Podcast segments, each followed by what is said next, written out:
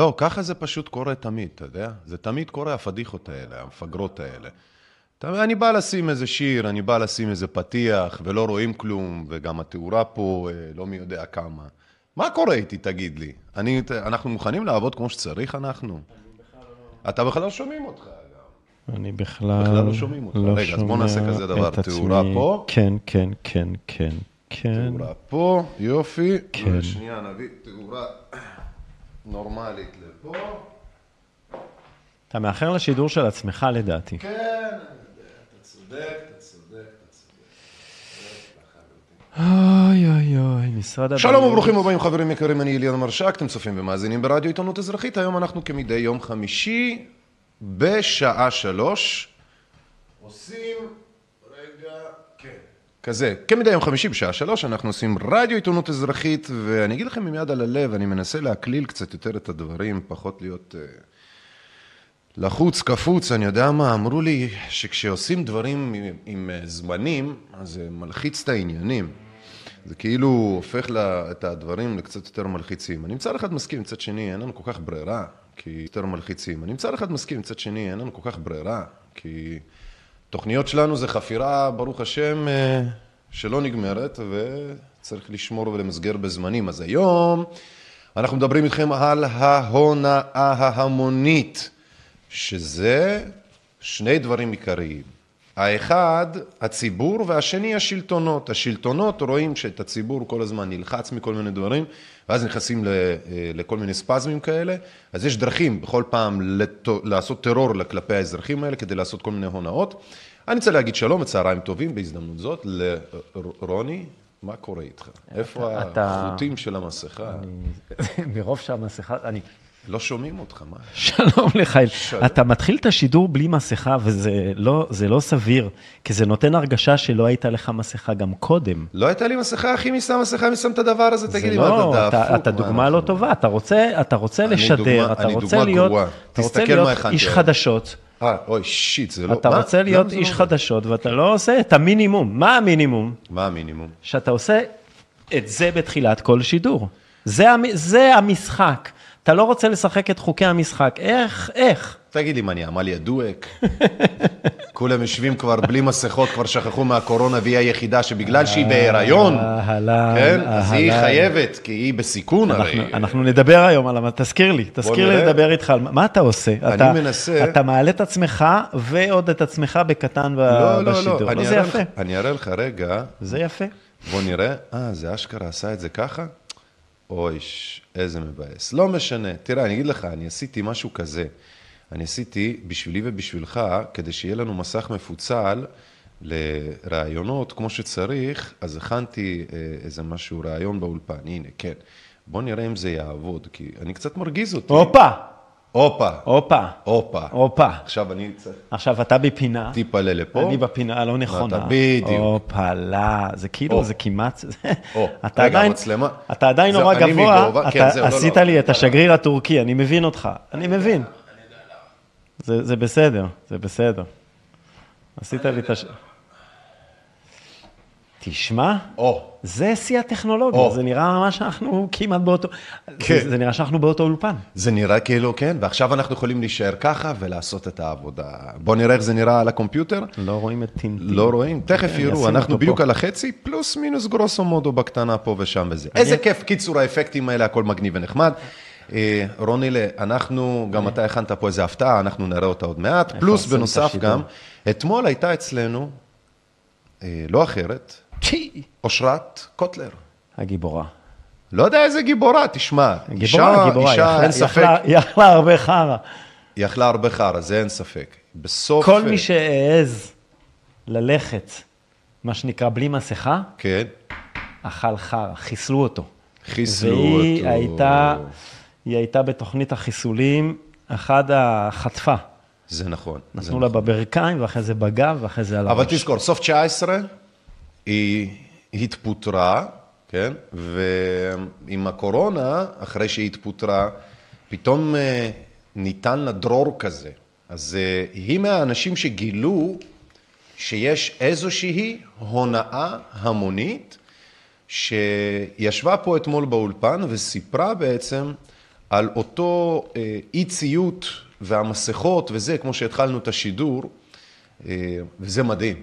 אבל שנייה רגע, לפני זה, אני רוצה להגיד תודה רבה לצוות שלנו המדהים של עיתונות אזרחית. יש כזה, כן, משתנה, אבל יש גם כאלה שנותרים יש חיה ונשארים. כזאת. יש דבר כזה, כן.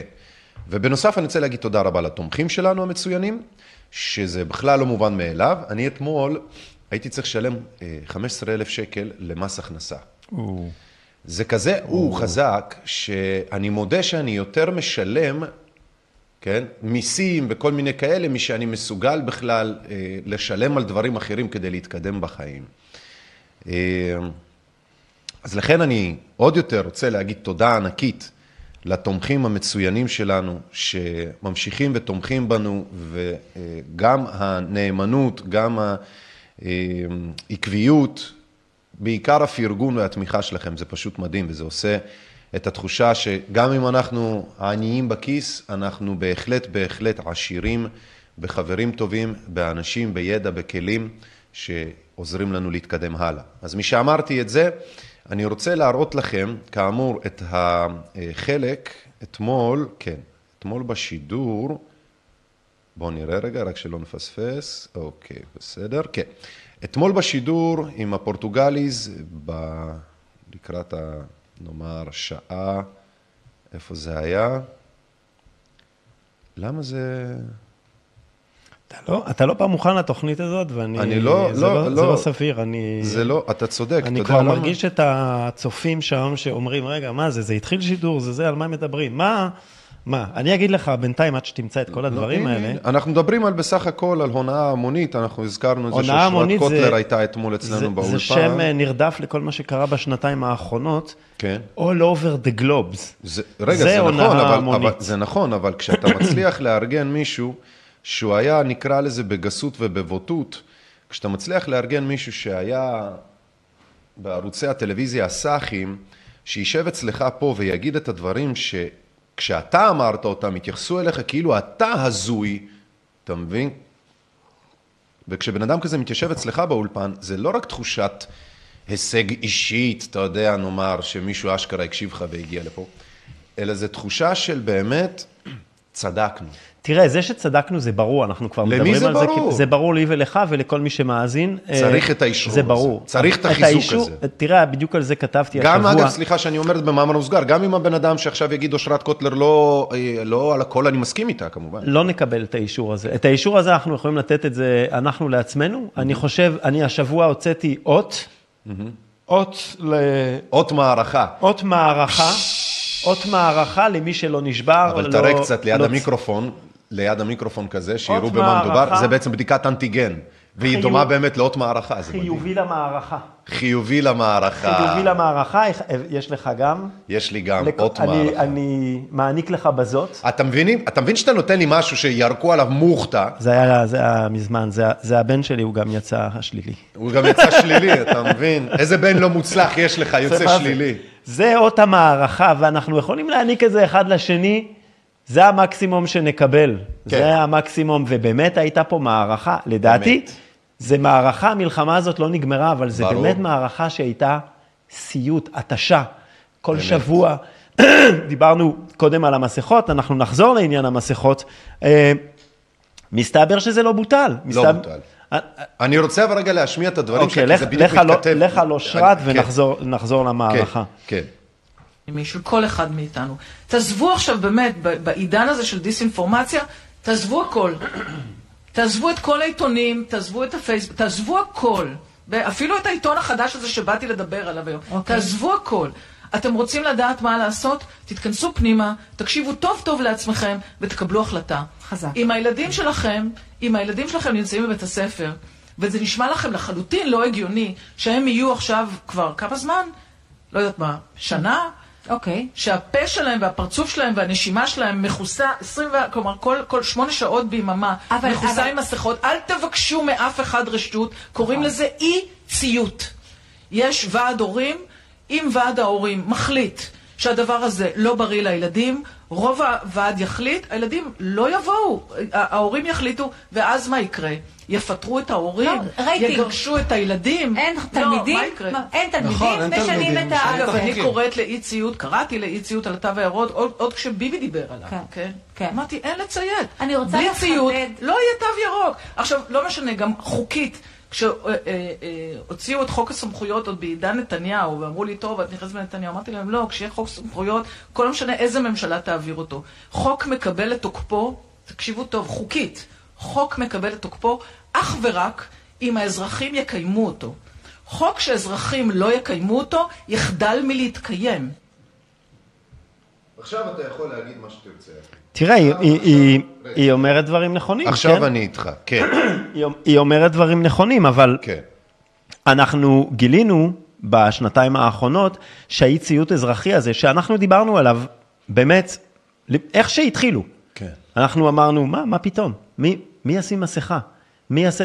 אבל גילינו שאנשים היא מצייתים. צודקת, אבל אתה מסכים איתה. ברור שהיא צודקת. כן. על ברור. זה, לא כל דבר שהיא אומרה אנחנו מסכימים. היא צודקת, אבל היא בסופו של דבר לא ראינו אף ארגון הורים כן. נלחם על... אני אגיד לך יותר מזה. אני בתחילת, ה...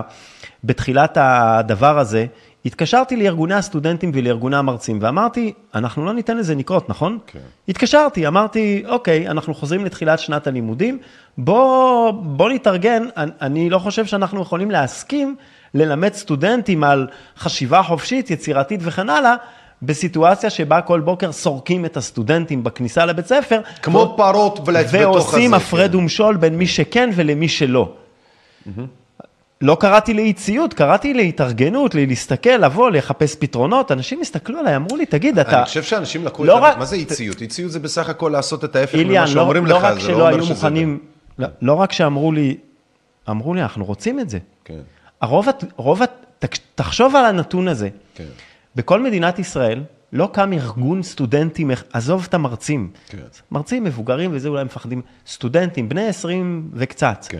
לא קם ארגון סטודנטים אחד שאמר, לא בבית ספרנו. הרי אם ארגוני הסטודנטים היו קמים ואומרים, אנחנו לא באים לבית ספר, אנחנו לא נכנסים לאקדמיה, אה, למכללה, ל- אה, לאוניברסיטה, אם אתם סורקים, בואו נראה כמה זמן תחזיקו בלי סטודנטים. תקשיב, זה היה נגמר, כמו שהיא אומרת, זה היה נגמר, באותו שבוע זה היה נגמר. אתה יודע מה הצחיק לא אותי? קם שאושרת ארגון קוטלר- אחד. אושרת קוטלר קמה על הרגליים שלה, ואני רואה את זה, שוב, אני לא, אני משתמש בה כדוגמה, אני רוצה גם להגיד עליך, כן? היא קמה על הרגליים שלה ואומרת שיש פה הונאה המונית. אני משתמש בעובדה הזו לבדה, כן? כדי להוכיח שיש פה הונאה המונית. אני אפילו לא אומר, אני לא, לא צריך ללכת ולהגיד שיש פה, כמו שכשאני אומר, אתם יודעים מה? עזבו, אני לא אומר כלום, אבל אם אושרת קמה על הרגליים שלה ואומרת את זה, כנראה שבאמת קורה פה משהו. ואני עכשיו אני אגיד עליך. לא אני רוצה- חושב ש- לא יודע. אני חושב שאני, אני חושב שאני תמיד הייתי איכשהו הילד הצעיר יותר של המחאה בעשור האחרון מהאי של, מהמחאה ההיא של 2011. הסתכלתי על חברים כמוך לצורך העניין תמיד באיזושהי מין, אה, אתה יודע, אתה ה- המבוגר יותר וזה, ואני המשוגע אני יותר. הזקן, אתה רוצה להגיד. לא הזקן, כי כשאני אומר דברים מסוימים, אז היו מבטלים אותם, כאילו, בשישים, היו אומרים, אה, שטויות, זה גם כן, זה מכפוף, כן? מחפוף, איליאן מחפוף. אבל פתאום כשאני ואתה יושבים לאותו שולחן, כמו שגם אני ואושרת לאותו שולחן, זה מתוך ההבנה הזאת שבאיזשהו שלב, זה כבר לא כמה אני מכפוף וכמה אני ממציא דברים. זה באמת, יש פה איזה חרא, יש פה הונאה חולמניוקי, אחי. כמעט כל מה שנחשב לפני שנתיים ושנה לתיאוריית קונספירציה, כמעט הכל כן. התוודע כנכון. לפני שבוע, אה, לא יודע אם עקבת, אבל בטקסס, בהוראת בית משפט, אה, פייזר נאלץ לחשוף את הפרוטוקולים ולחשוף את המסמכים, מדהים. את המסמכים של התופעות לוואי. זה מסמכים שהיו נעולים ל-80 שנה. ובהוראת בית משפט, כל מה שהיה צריך זה שופט אחד, אתה מבין? שופט אחד בטקסס אמר להם, סליחה, הנה. שימו את זה החוצה. זה מעיתון בראשית, שאנחנו גם אה, אתמול אה, אושרת באה לדבר עליו. זה פרופסור רצף לוי מדבר על זה. גילינו, כן. וזה התגלה בכל העולם, אני לא מבין איך זה לא רעידת אדמה, אתה יודע, המונית. כן. כל התיאוריות קונספירציה, כל מה שאמרו, אתם ממציאים, אתם פסיכיים, אין, אין תופעות לוואי, זה טכנולוגיה חדשה, אתם לא מבינים, אתם לא... הכל התגלה כנכון. כן. מיוקרדיטיס, בעיות אה, בשריר הלב, בעיות נוירולוגיות, כן. אה, וסת אצל נשים צעירות, עד כדי כך שהרופא הראשי, האחראי כאילו למשרד הבריאות בפלורידה, כן. המליץ לא לחסן ילדים בריאים. זאת אומרת, ההמלצה שלו היא נגד החיסונים. זה עד כדי כך. כן. עכשיו, תקשיב, זה רעידת אדמה, כי זה אומר, כל מה שאמרתם כן. היה חרטא. כל פעם שאמרתם אשטג סייאנס, שמת לב, אבל מתי- הם שיקרתם. עושים את זה ואומרים את זה עכשיו, שיש מלחמה באוקראינה, בצורה כזאת שבעצם זה כבר לא מעניין כמעט אף אחד. במילים אחרות זה אפילו יותר מזה. אנשים אומרים, כן, כן, בסדר, כאילו, לא... אפשר לא לדבר על יש המלחמה באוקראינה, הבעיה זה שפתאום יש נושא אחר, אז זה נכנס מתחת לשטיח. לא, יש נושא אחר, אפשר לדבר עליו.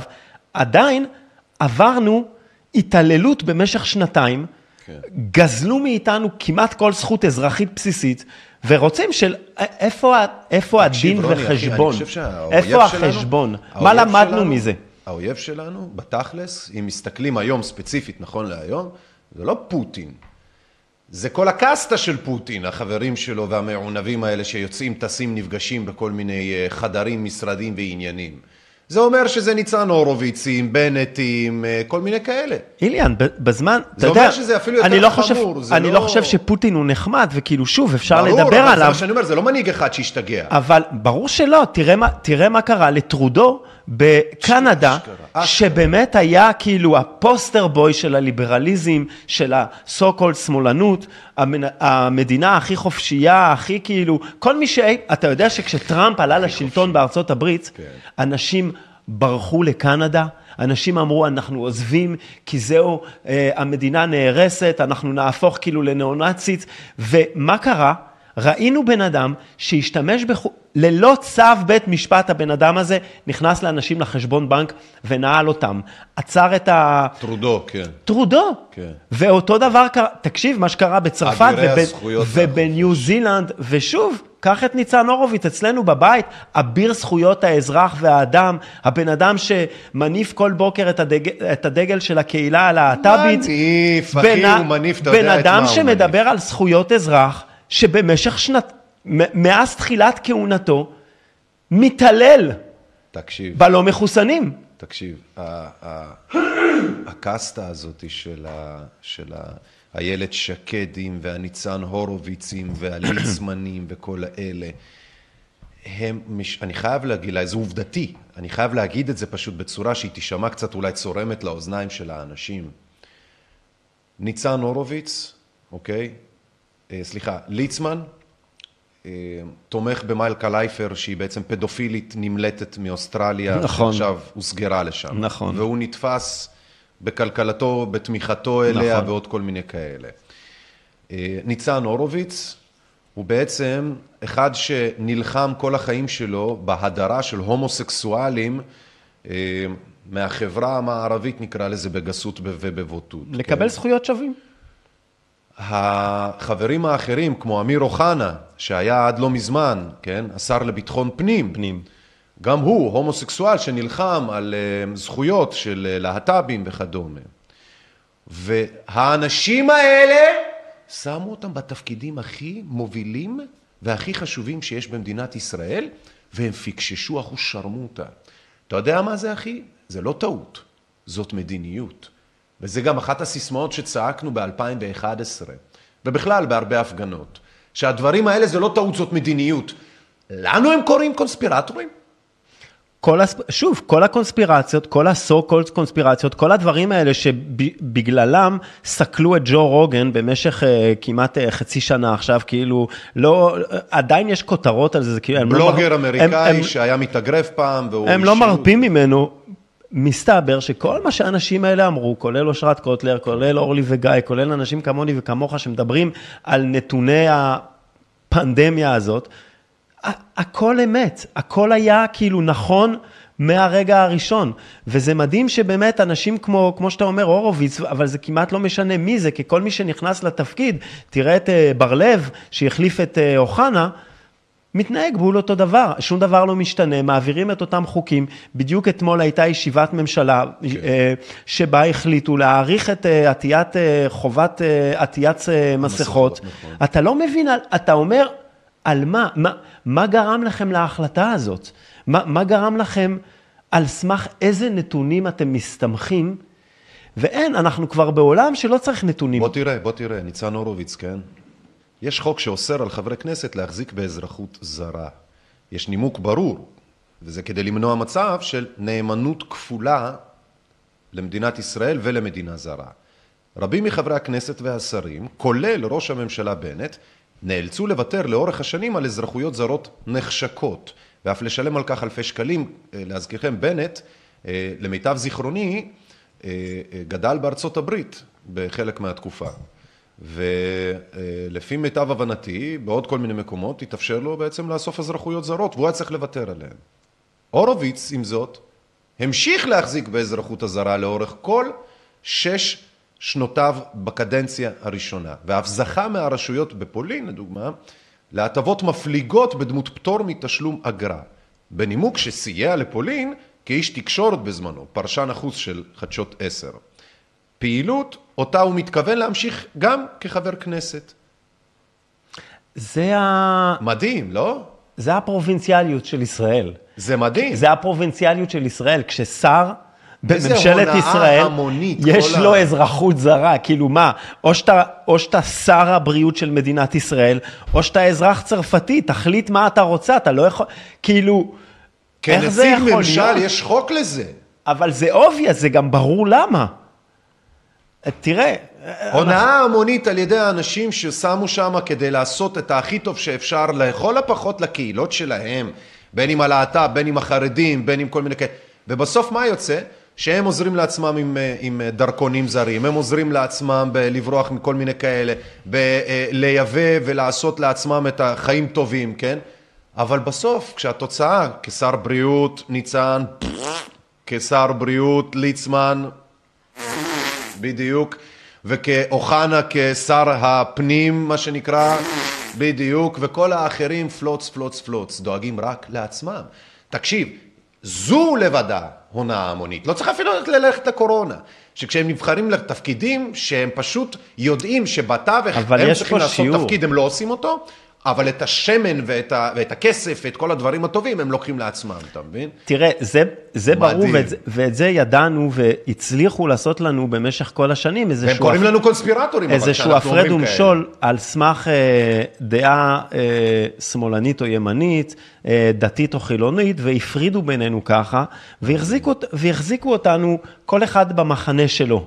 והיינו מוכנים לאכול את כל, ה, את כל העוולות האלה, כי טוב, אין מה לעשות, אנחנו במלחמה מול הצד השני. מה שגילינו בשנתיים האחרונות האלה, זה שהמחנות האלה לא שוות כלום. זאת אומרת, מה זאת השמאל... אומרת מחנות לא שווים כלום? איך הם לא חושבים שזה זה- זה רוב ש- המדינה, זה אחד שגילינו, המחנות האלה. מה שגילינו זה שזה לא משנה אם זה שמאל או ימין, בסופו של דבר, מי שבשלטון מסוגל לעשות לך את, את, את העוול הכי נורא, אהו. לא מעניין אותו שום אג'נדה. שוב, בן אדם, תראה, כשבן אדם כמו אוחנה בא עם אג'נדה קיצונית, כן. פשיסטית במרכאות כפולות, אה, אני יכול להבין, זה, זה המקום שהוא יוצא ממנו. הוא יוצא מתוך מפלגה שזה הנרטיב. כשבן אדם שמחליף אותו, כמו הורוביץ, עושה את אותו דבר, כן. אתה מרים גבה, אתה אומר, רגע, אבל אתה כל... אנחנו הבאנו אותך להחליף אתה אותו. יודע, אני כמעט מודה לאל שזה קורה. אז זהו, פתאום הכל. התפרק. זה אתה רק מוכיח את מה שאמרנו. אם אתה שואל אותי היום, ולאורך השנים יכלת לשאול אותי כמעט בכל רגע נתון למי אתה מצביע אם יש בחירות היום, ויכלתי להסביר לך למה ולמי. כן. אם אתה שואל אותי היום, אם מחר יש בחירות, למי אני מצביע? כן. אני קודם כל אומר לך למי אני לא מצביע.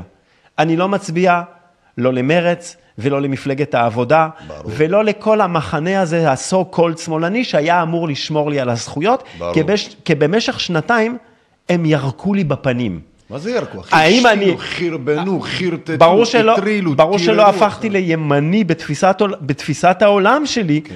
אבל היום מחנה פוליטי שאני מזדהה איתו, אין לי. כן. אין לי. אני כזה אומר לך, אני מאלה שאומרים, אני לא מצביע, אני כולם חארות. זהו, זה השלב שאני נמצא בו. עכשיו רק אתה נמצא. אתה יודע שאני לא הצבעתי בחיים שלי? אחי, מבחירה, בכוונה. לפני שנתיים הייתי נותן לך נאום איך אתה כאילו אהבל שאתה לא הולך להצביע, והיום אני אומר, fuck it. מבין? אתה מבין? היה צריך את אושרת קוטלר, את הקורונה, את הליצמנים, היה צריך את ה... למרות שזה לא נשמע טוב, זה כאילו אני שם את אושרת קוטלר ואת ליצמן באותה מסגרת, אבל היה צריך את האנשים האלה שיפלו מה... לא ייפלו, אבל ירדו מההר הזה שהם ישבו עליו במשך שנים, כדי שכולנו נסתכל אחד לשנייה בעיניים, ונגיד סוף סוף את האמת המובנת מאליה. כי כשאתה נמצא על ההר, קל יותר לחרטט. כשאתה יורד להמונים, נכון. אתה מתחיל לפחד מה, מהדברים שיוצאים לך מהפה, ו- ואתה מתחיל לשים לב יותר. אבל לי מה שמפריע בסיפור של אושרת זה לא היא, כן, כאילו היא, היא מדהימה באמת. לי מה שמפריע, או מה, מה שמוכיח את התזה זה שרק בן אדם אחרי שהוא מפוטר, אחרי שהוא נזרק מתוך המערכת המיינסטרימית, כן. מרשה לעצמו לדבר. ואנחנו כמעט ולא רואים תראה, היא, אף קודם כל, כתב, שנייה, שנייה, שנייה. לא, היא- אני לא היא- מדבר עליה, אני מדבר על כל שאר האחרים. הרי ברור כן. שבתוך המאה אחוז כתבים שיש היום, כן. יש, בוא נגיד, חמישה אחוז או עשר אחוז שחשבים כמוני כמוך. מה? אחוז אתה אומר? חמישה אתה אחוז. מתכוון לחמישה סך הכל. מה חמישה? לא משנה, שיהיה אחד. חשוב? לא, שיהיה לא, אחד. לא, לא, לא. איפה הוא? אני מתעקש, אחי, למה אני לא יש שומע אולי אותו? חמישה. נ- נגיד, יש אולי חמישה. איפה הם? אתה עם אוזניות, איך תשמע אותו? יכול להיות שהוא דופק בדלת. והם- מרשים לעצמם לדבר, יש, יש. יש לך את אורלי וגיא, ששוב פעם, כל אחד בסאחיות שלו וברמות שהוא התעורר אליהן, אבל, אה, אבל הם שוב, הם- מחוץ היא לא התעוררה למערכת. כי היא לא ישנה, אבל, אבל הם בסדר. מחוץ למערכת. לא. אורלי וגיא? אנחנו מדברים על אנשים שבשנתיים האחרונות, ממש מה שנקרא, ירדו מה... מה אה, רמא נקרא לזה, ירדו מה... זה. זה אורלי וגיא, וזה אותה אושרת קוטלר, ויש לך גם אה, אה, רופאים כמובן אחרים שישבו בטלוויזיה ואמרו דברים. אפילו פרידמן, אה, איתן פרידמן, כן, יושב ראש ועדת הלסינקי העליונה, שקיבל את התפקיד אה, אה, לפני שתי דקות, גם הוא, אוקיי, מפחד מצד אחד לחרטט מדי, מצד שני הוא מפחד להגיד את הדברים המובנים מאליהם מדי. הוא הולך כאילו מין תווך כזה של זיגזגון כזה, כן? הם כולם מפחדים, אין אף אחד, שוב. אבל את- עובדתית, הם כן אמרו דברים מאוד מהותיים, אוקיי? שסותרים בצורה כזו או אחרת את הנרטיב ואת הקונצנזוס של ארגון הבריאות העולמי וכל השטויות האלה. אה, יש לפחות חמישה אנשים שבצורה, שוב, כזאת או אחרת, שאפשר להתווכח על האיכות, על הדרך וזה, שאמרו או הוכיחו לנו, כן. אוקיי? שיש פה הונאה המונית כלשהי. אוקיי? שלוש פעמים החליפו את הכתבה של ועדת הלסינקי שאמרה שיש פה משהו לא כשר בנוגע לקורונה, כן? ש... אה, איך היא אמרה? אה, שמבוצעות פה בעצם הפרות זכויות. ואז באותו היום הם החליפו את הכותרת שלוש פעמים, אוקיי? בעיתון, זיכרוני אינו מטעה אותי, זה היה גלובס אה, אה, או כלכליסט, אה, יכול להיות כלכליסט, אני לא רוצה להגיד סתם, אני, לא זוכר, אבל אחד מהעיתונים האלה, כן. כתבו כותרת, כן, על ועדת הלסינקי העליונה, שיצא כאילו ועדת הלסינקי אמרו שיש פה הפרה של זכויות אדם בנוגע לכל, שיש פה ניסוי בבני אדם בעצם זה. שלוש פעמים החליפו את הכותרת, כלומר הם לא הודו באמת, אבל בכך שהם נהגו כפי שהם נהגו באותו היום, אתה הבנת מזה רמז גדול מאוד. אז אתה אומר חמישה אחוז, אני אומר לפחות חמישה אנשים, אפילו לא חמש אחוז, אפילו פחות מזה, אבל כן הם ישנם שם. הנה פה אתה מראה, אנחנו מדברים, אה, המסכה תישאר איתנו אה, עוד זמן רב. הקורונה לא הולכת לשום מקום, אה, זה של עיתון שנקרא בחזית. הקורונה לא הולכת לשום מקום, וריאנט חדש מתפשט בקצב מהיר בעולם ועושה את דרכו אלינו. זה פייק ניוז אחושרמוטה. זה לא נכון. מומחה, גם אם, זה גם לא אם נכון. כן, זה לא בתוך המסגרת של, של הכוונה שפה כתוב. זאת אומרת, כאילו יש פה איזושהי תחושה שאומרים לך, כאילו אתם עכשיו אה, עוד שנייה, עוד הפעם קורונה. חרטא זה עוד זן קשקשת כזה או אחר, כמו שיש כל שני וחמישי, אם תחפשו אבל בביוב, אתם תמצאו חרא. הערבובים האלה של הזנים, של האומיקרון מחובר עם דלתא ועם אלפא, זה, זה קורה כל הזמן, הרי ככה נוצרים וריאנטים. דלתא קרון, דלתא קרון, אחי. אבל זה, זה קרה גם... זה מה שאנחנו אומרים, זה זה קרה מ-day one, יש נכון. את זה, יש, לה, יש אצל אנשים כרגע, בתוך הגוף, יש אנשים שיש להם גם את הדלתא וגם את האלפא וגם את האומניקרום, ו- והם מייצרים וריאנטים, ככה נוצרים. מה אתם פתאום הופכים את זה לאיזה כותרת? בדיוק, עצם ההפיכה לכותרת זה מייצר, תמיד את ה- היה. מ- מייצר את ההונאה ההמונית הזאת במחשבה כאילו יש פה משהו. הנה, התגלה כבר בארצות הברית ובבריטניה. מה ידוע על זן הדלתא קרון? מה ידוע? שהוא קיים כבר מהיום הראשון. שהוא פה, שהוא איתנו, שמה נשמע, שב, תשתה כוס קפה, הכל בסדר. זה לא יאומן, אבל כאילו. תקשיב, זה לא... זה- מה שמדהים זה שאנשים לא מורידים את המסכות, למשל. נכון. אוקיי? הנה, אושרת קוטלר... חלק, דיב- חלק. לא מורידים אותם במין ככה, חלאס. אבל למה, לא, אם זה חלאס, אין אז למה חלאס שמת המוני. מלכתחילה? אין חלאס המוני. יש אין- חלאס. אין אני חלאס חושב המוני. שיש. אני- אז בישראל היה חלאס מהרגע שזה התחיל, אין- הרי הם זורקי זין אחד אין מהגדולים. אי ציות אזרחי המוני. זה דרך אגב, זה אני הסתכלתי את- הסתכלתי על התקציבים יש, יש, תקשיב, יש זלזול, אבל אין את האי ציות, אין את ההצהרה. יש את הזלזול, אין את ההצהרה. ישראלים מזלזלים, הם לא מצהירים. הם יודעים לזרוק קצוץ בלי להצהיר על זה, זה הקומבינה היהודית. אולי בעצם זה, זה באמת מה שאנחנו מפספסים. אולי אנחנו- באמת יש פה את ה... אבל את ה- אנחנו מצייתים. בסופו של דבר, אני קראתי, קראתי, הנה, יש לי פה את זה. תראה לנו. אה, הנה, זה מחלבה מדהימה, קראתי את הפרוטוקול של ה... מחלבה מדהימה. זה מחלבה, קראתי את הפרוטוקול של הישיבה אתמול, ישיבת אה, ו- ועדת אה, הבריאות, ועדת שבה. שבה בסופו של דבר, דרך אגב, שלחתי לך תמונה מעניינת של הישיבה הזאת, אה, זה הישיבה תגיד לי. שבה החליטו על המסכות. אז תגיד לי שצריך להראות. אז אני- תראה את התמונה, כי היא ממש מדהימה ביחס אני- להחלטה שהם קיבלו בה. אני אראה, אני בשביל זה צריך אה, להיכנס לרגע לוואטסאפ.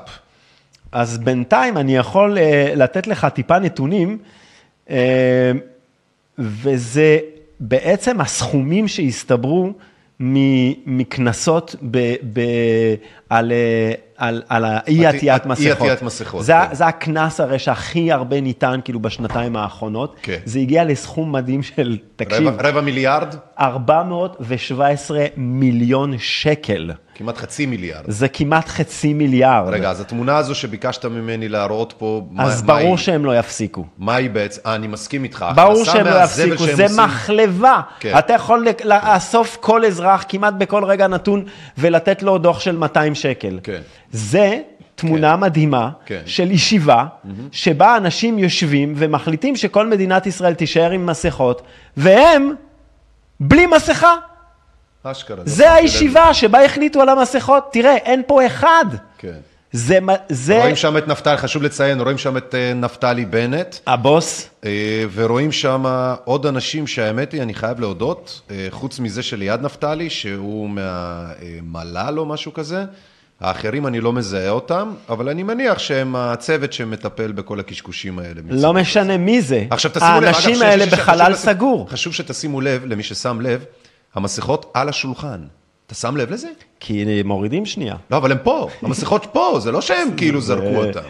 כי מורידים אותם שנייה, כי קראתי גם את חוק המסכות, אז uh, יש פה פטורים למיניהם, מצחיקים נורא, ויש פטור,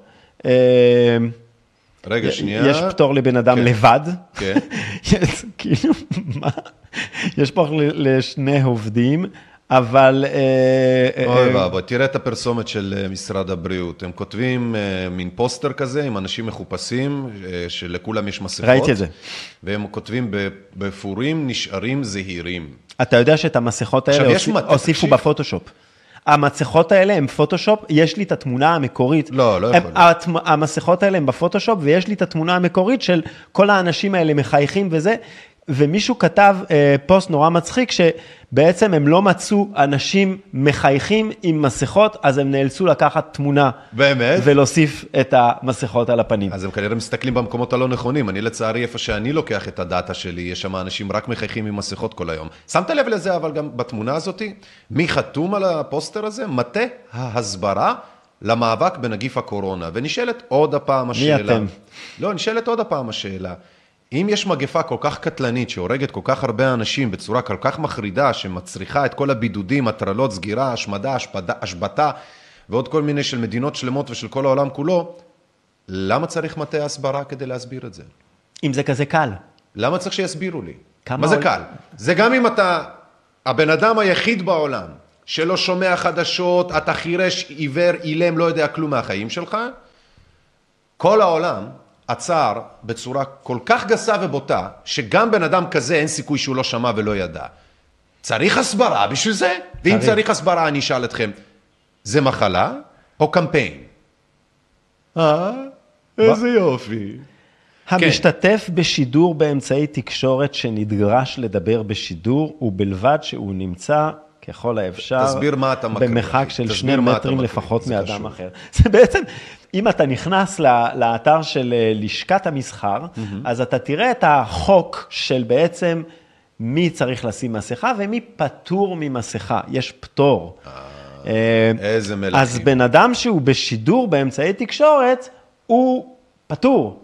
הוא יכול להוריד את המסכה בתנאי שהוא נמצא שני מטר. בן אדם אחר, זאת אומרת, אם אתה, תקשיב כמה זה מטומטם.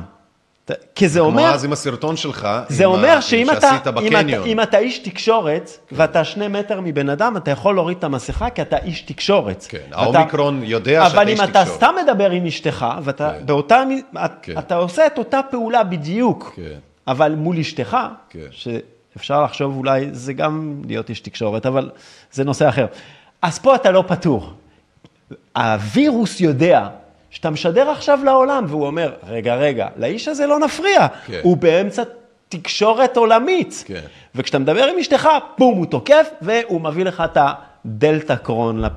זה, חרטא זה והונאת המונים זה שם. ההונאה. לגמרי. זה ניתן- ברור שזה הונאה. בוא ניתן מעבר. תן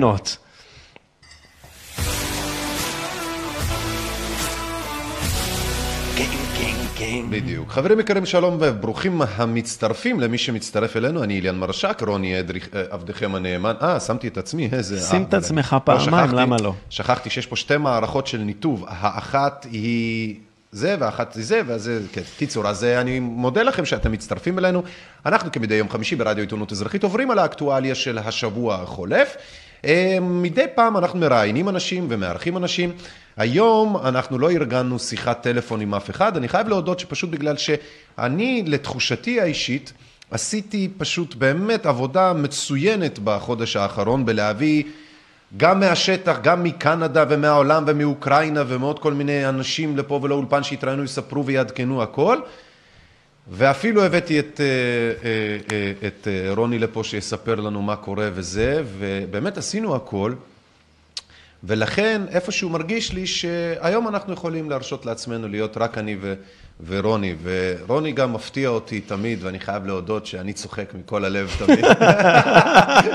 מהדברים שהוא עושה כגון, אני, זה. אני, אני משפר לך פה את ההפקה, אתה או, מבין? תראה. או, קצת אפרופ- שרוף אמנם התאורות לא הזה, אבל נורא, אני אומר, תראה, אם המדינה מתעללת בנו, בואו נעשה מזה, אם יש לימונים, אני צריך לספר לאנשים שלא שומעים, אם- סליחה, שלא רואים. אם יש לימונים, בואו נעשה לימונדה. או, אני אומר, או. לה, נספר, נסביר רגע לאנשים שהם צופים, אה, אה, שהם מאזינים ולא רק אה, צופים. בעצם רוני התיישב פה עם אה, חליפה שעשויה ממסכות אה, אה, של חדרי ניתוח. זה אגב, מסכות- זה זה- ממש מסכות של חדרי ניתוח. זה מסכות קורונה אורגינל. אורגינל. זה מהדור הראשון, זה לא, זה לא הגרסה הכחולה, הזולה, נכון. לא, לא, זה, ה, זה האמיתי. ותראה, זה האותנטי. you never know. אתה כמעצב יודע. better safe than sorry. אני אומר, כן. אם הם המשיכו את חוק המסכות, כנראה יש סיבה, אבל ואני... לא, לא הבאת את המסכת האלפיניסטים שלך עם ה... זה פעם אחת זה לזה, פעם אחת זה זה, כל פעם זה משהו אופנה אחר. יפהפייה. זה נראה כמו פילה של שנות ה-80. אופנת מסכות, אם כבר מסכות, אופנת מסכות. דרך אגב, דרך אגב, המסכות זה, זה אחד המזהמים הארדקור. כן, כן. אני רואה את זה בכל חור, אתה מתיישב איפשהו, יש איזה מסכה. סליחה על ההקבלה, זה קצת כמו קונדומים כזה, או כמו כל מיני דברים כאלה, שכאילו, דברים שאנשים. עושים, וכשהם זורקים את זה ואתה רואה את זה, אתה פשוט מבין כמה העולם שלנו מג'ויף. כאילו, יש פריטים מסוימים שכשזורקים אותם, ואתה רואה אותם וזה, אתה מבין כמה העולם מג'ויף. שזה בקבוקי פלסטיק, ומסכות קורונה, ועוד קלקרים למיניהם וזה, כשאתה רואה אותם במקומות שהם לא אמורים להיות בהם, ובכלל, אתה יודע כמה העולם הזה מג'ויף. ותבין, אחי, ההונאה ההמונית הזאתי, זה מצחיק, אבל אנשים כל הזמן, גם אנחנו, חושבים בראש של כאילו ביולוגיה ו- ו- וסוציולוגיה, סביבה. ולו בהיבט הסביבתי, basic. הם יצרו פה חורבן החולמניוקי רק עם זה המסכות. סיוט וזה לא נגמר, אנחנו צריכים לעשות... אה, fucking מדהים אותי, שיעור בעיצוב. שיעור במה אפשר, עשר דברים שאפשר יהיה לעשות עם מסכות. היום בבוקר אני נכנס לאיזה... תכף אנחנו נדבר על אוקראינה, אנחנו נדבר על עוד דברים, יש לנו פה הכנו עוד. חלק. כן. והמוכרת, עכשיו, תראה, זה, זה תמיד אותו, זה תמיד אותו אה, טקס כמעט, אבל הוא כבר הוא כבר הפך לח- לחלק מהחיים שלנו. אני נכנס בלי מסכה, כי כן. למה שיהיה לי מסכה? באמת, כאילו די. ואיזה מוכרת צעירה חמודה כזאת באה אליי ואומרת לי, אדוני, יש לך מסכה? אז אני אומר לה, לא. אז היא אומרת לי, "אה, אז אני אתן לך, והיא כאילו, אתה יודע, הכל באוטומט כזה, כן. והיא מוציאה לי איזה מסכה מאיזה כזה, משהו נורא נעים. עכשיו, והיא אומרת לי, שים. ואני אומר לה, לא צריך. עכשיו, את כל זה היא עושה כשהיא עם מסכה, כאן. כן, היא... עכשיו- אבל רגע, זה, אתה יודע, שנייה, שנייה, אני אגיד לך רגע. תן לי לסיים, תן כן, לי כן, לסיים. נו, נו. עכשיו, אני לא... זה השלב שאנחנו נמצאים בו. השלב שבו אנחנו שמים מסכות לא כדי להגן על עצמנו, לא, כדי, לא כי אנחנו מפחדים, היא שמה אותה כצריך. איפה צריך? לא משנה, העיקר שיהיה לך. אתה לא חייב כאן, אל, היא בסדר עם זה, גם לא כאן, היא בעצמה הולכת, אבל היא אומרת לי בעיניים שלה, ת, תשתתף בה. תראה, אני בה. בטרלול, כן. בוא תשתתף איתי, יבוא איזה פקח, ית- עזוב אותי. עם אלה שכששמעו שים את זה קורונה, פה, שים את זה פה. יש לי קורונה- שכן שהולך עם זה כאן. נשבע לך, תקשיב, רוני. כל בוקר אני רואה אותו יוצא מהבית, והוא- והוא, אני אומר לו, תגיד, זה, הוא אומר, פה זה הכי... יש כאלה ש, שכשהם שמעו קורונה, אחי, באמת, כמו הבחורה הזאתי, אז ישר יצא להם מה שנקרא ההצרחה הזאת, אתה מבין? זה מה שיצא להם. זה, זה סוג האנשים שמבקשים ממך לשים, זה הפך לפריט. לשים את המסכה. זה הפך לפריט, כמעט פריט אופנה. התרגלנו, ותקשיב, תאר לעצמך שאתה נכנס לבקר מישהו בבית משוגעים, שיש לו כותונת פסים כזאת, לא כותונת פסים, אה, כותונת משוגעים, כאילו straitjacket כזה, ש- ש- שקשור כן, כזה. כן. ואז כדי לבקר אותו, הם מבקשים ממך גם לשים. גם לשים כזה. זה כזה. אבל זה כזה, זה כבר שנתיים, זה גם די. הבנו, זה לא עובד, תקראו את המחקרים, הסבירו לכם. הראיתי לך השבוע את ה- את התמונות של הלהקה של חיל הפרשים האמריקאי, להקה צבאית, כן, מנגנת. כן. בקיצור, חיילים אמריקאים כן. בפול אה, מדים, כן. מנגנים בשיא הרצינות, עם מסכות. עכשיו, הם מנגנים עם כלי נשיפה. כן. אני חייב להראות לך את זה, כי זה, עכשיו לא, אתה פח... מכריח אותי לשים לך HDMI. זה לא פחות אה, אתה ממדהים. שולח לי בוואטסאפ? אני אשלח איך לך, איך אתה רוצה להראות לנו? אני צריך חי... לארגן לך אני, פה זה. אני, אני, בזמן שאני שולח בזמן לך הזה, את זה, אני רוצה- אני כן. אתאר לך מה רואים. רואים עשרות נגנים, שבשיא הרצינות עומדים על הבמה, מנגנים, ובז... כן. אבל תראה לנו. ובזמן שהם מנגנים, הנה אני שולח לך, שלח. זה, זה הראשון, כן. הם מנגנים, אז הם, הם עם מסכות. עכשיו, זה בעיה לנגן בכלי נשיפה, אתה יודע שאנחנו כבר לפחות... שאתה עם מסכה. אנחנו לפחות 40 דקות, אחי, מדברים על המסכות. אתה חייב להפסיק עם זה. תראה את זה, אנחנו תראה את חייבים מה להמשיך, ששלחתי יש לך. לנו עוד נושאים, אחי. בוא נתקדם. חייבים, חייבים. אנחנו 40 דקות טוחנים את התחת על מסכות. זה עד כדי כך, תראה את מה ששלחתי לך. אנחנו הכי לא לוקחים את המסכות ברצינות, ואנחנו טוחנים את המוח על הדבר אנחנו הזה. חייבים להפסיק, אבל זה מצחיק, וגם פורים, מסכות, זה הנושא. אתה רציני איתי שזה באמת ככה הם ניגנו? כל הלהקה ככה. בחייאת רוני? כל הלהקה. רגע, שנייה. אני צריך מציע. לכם, מי שבבית נמצא, תעשו מנדלוריאן, US Army, אה, ואתם תראו הופעה מדהימה, לא פחות ממדהימה. עשרות נגנים, טרומפט, קלרינט, תראו מה זה. סקסופון. זה צילום מסך בעצם מהיוטיוב של ההופעה, ורואים פה באמת מסכה שנפתחת. היא נפתחת. כמו מקור. זה נראה פשוט כמו, ויש- כמו יש פה גם- של דג. י- זה בול נראה כמו פה של דג. יש גם כזה שנפתח בצד הזה, ככה, וככה כל הנגנים. עכשיו, זה, זה אתה יודע מה השטיפת מוח. מטומטם? מי שניגן על חצוצרה, ואני במקרה ניגנתי קרוב ל-20 שנה, ואני עדיין, יש לי פה חצוצרה שאני יודע לנגן עליה. כל דביל יודע שמסכה לא תעזור מפני המוכתות, כי חצוצרה זה צינור ארוך מאוד, שמסובב בצורות מסוימות, עם בוכנות, כן? ובעצם כל הסיפור הזה זה וואחד אחד מרקקה, מה שנקרא מוכתה אחת גדולה. המסכה היא לא רלוונטית. אבל זה, בייחוד ה- גם זה צריך להוציא את המוכתה בכל כמה דקות. זה ההוכחה, איליאן. שברגע שהקונספציה נכנסה לתוקף, אי אפשר לא... זה עד כדי... תראה, מה ההיגיון? ההיגיון הבריא אומר, אוקיי, אנחנו פשוט נוריד את המסכה וננגן, כי ממילא אנחנו נושפים בתוך הדברים האלה וזה יוצא הבנו, החוצה. הם לא, הזויים. אנחנו. נעשה מסכה שנפתחת. מדהים. מדהים. זה עד כדי כך שומרים את המסכה. מעברון ונעבור לאוקראינה. יאללה, אוקראינה. אוקראינה, חייבים.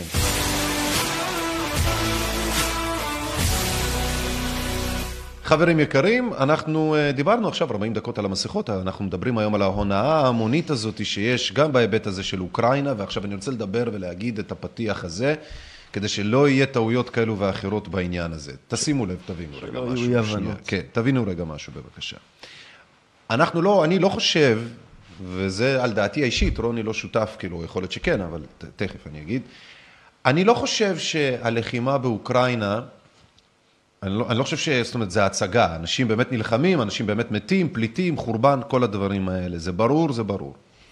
לצערי אבל, אני מרגיש שיותר משהאנשים מתים שם בצורה רגילה, נקרא לזה, במלחמה ובכדומה, יש פה ניצול ו/או שימוש במה שקורה שם לקמפיין בינלאומי למטרות שהן לא הצלת אוקראינה ו/או האזרחים האוקראינים. אני רוצה שרק כדי ככה טיפה, כדי להיכנס לאווירה, נצפה בחלק מסרט אה, על אוקראינה, זה משהו כמו ארבע וחצי דקות, אנחנו נצפה בזה ואנחנו ניקח את זה משם.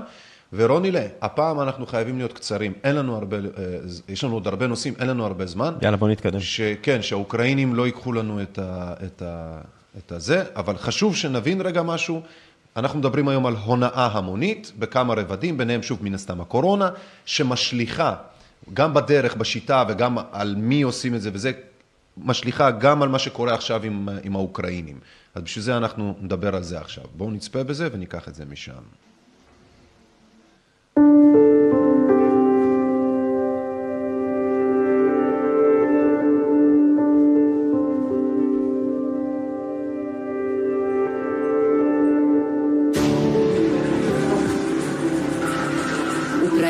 2018 год.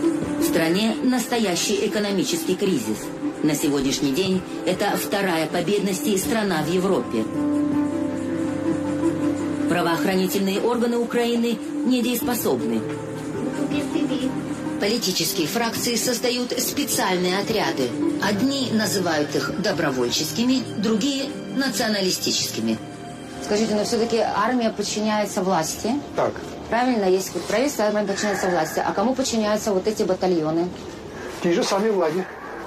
Всі батальйони, які створені в Україні, будь то правий сектор, будь то будь-який інший підрозділ, згідно до закону, на якому вони створені, всі ці підрозділи з- створені з двома е, ну, з єдиною метою захисту держави. Чи у вигляді захисту громадських інтересів в столиці, чи у вигляді бойових дій на лінії фронту, у будь-якому випадку дії спрямовані на захист держави. Организация «Правый сектор» заявила о себе в первые дни революции достоинства. Состав правого сектора вошли такие организации, как «Трезуб» имени Бандеры, «Патриот Украины», «Белый молот», «Карпатская сечь» и другие ультраправые группировки украинских националистов. Они не стреляют, но они э, и не бьют. Это просто это явление, да, это болезнь, через которую мы должны проходить. А не факт, что эти люди плохие. Я не говорю, что они плохие. Э, Вопрос в форме юридической и вопрос в степени государства это контролировать. Новости о нападениях, грабежах и убийствах стали ежедневными. Народ либо запуган, либо кормится лозунгами о национальном величии. Эта страна ведет гражданскую войну. Все началось четыре года назад, на Майдане. Тогда люди мечтали о другом.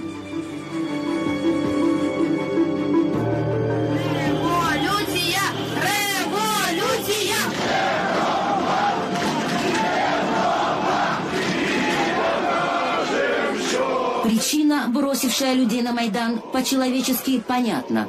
Злость на правительство Януковича, коррупцию и желание быть частью свободной и цивилизованной Европы. Все это им обещал тогдашний президент, но свое обещание он не выполнил. Люди вышли на площадь. Мало кто может не симпатизировать безоружным гражданам, которые борются за свободу и самоопределение. Дождь, но все равно люди пришли. То есть это действительно людей это задело. И это, было, это, не был, это не голодный бунт, это не бунт против правительства или президента. Там не было таких лозунгов кого-то смещать, убирать или делать какую-то революцию. Был простой как бы, человеческий позыв, мы об этом мы этого хотели, дайте нам это, ну как бы вы обещали. Более того, это очевидная, понятная история, что мы туда двигаемся. Мы не хотим в другую сторону. Э, Вот я думаю, что это сыграло большую роль. А уже то, что происходило потом, конечно, тоже было по накатанной а, такой эмоциональной волне. Несколько месяцев противостояния между митингующими и силовиками заворожили весь мир. Но завершилась революция достоинства 20 февраля массовым убийством.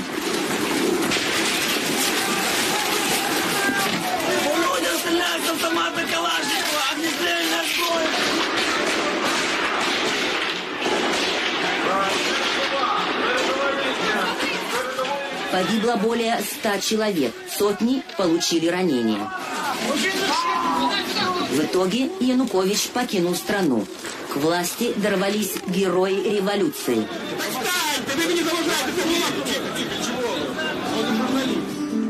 До сих пор никто не знает достоверно, кто же стрелял на Майдане.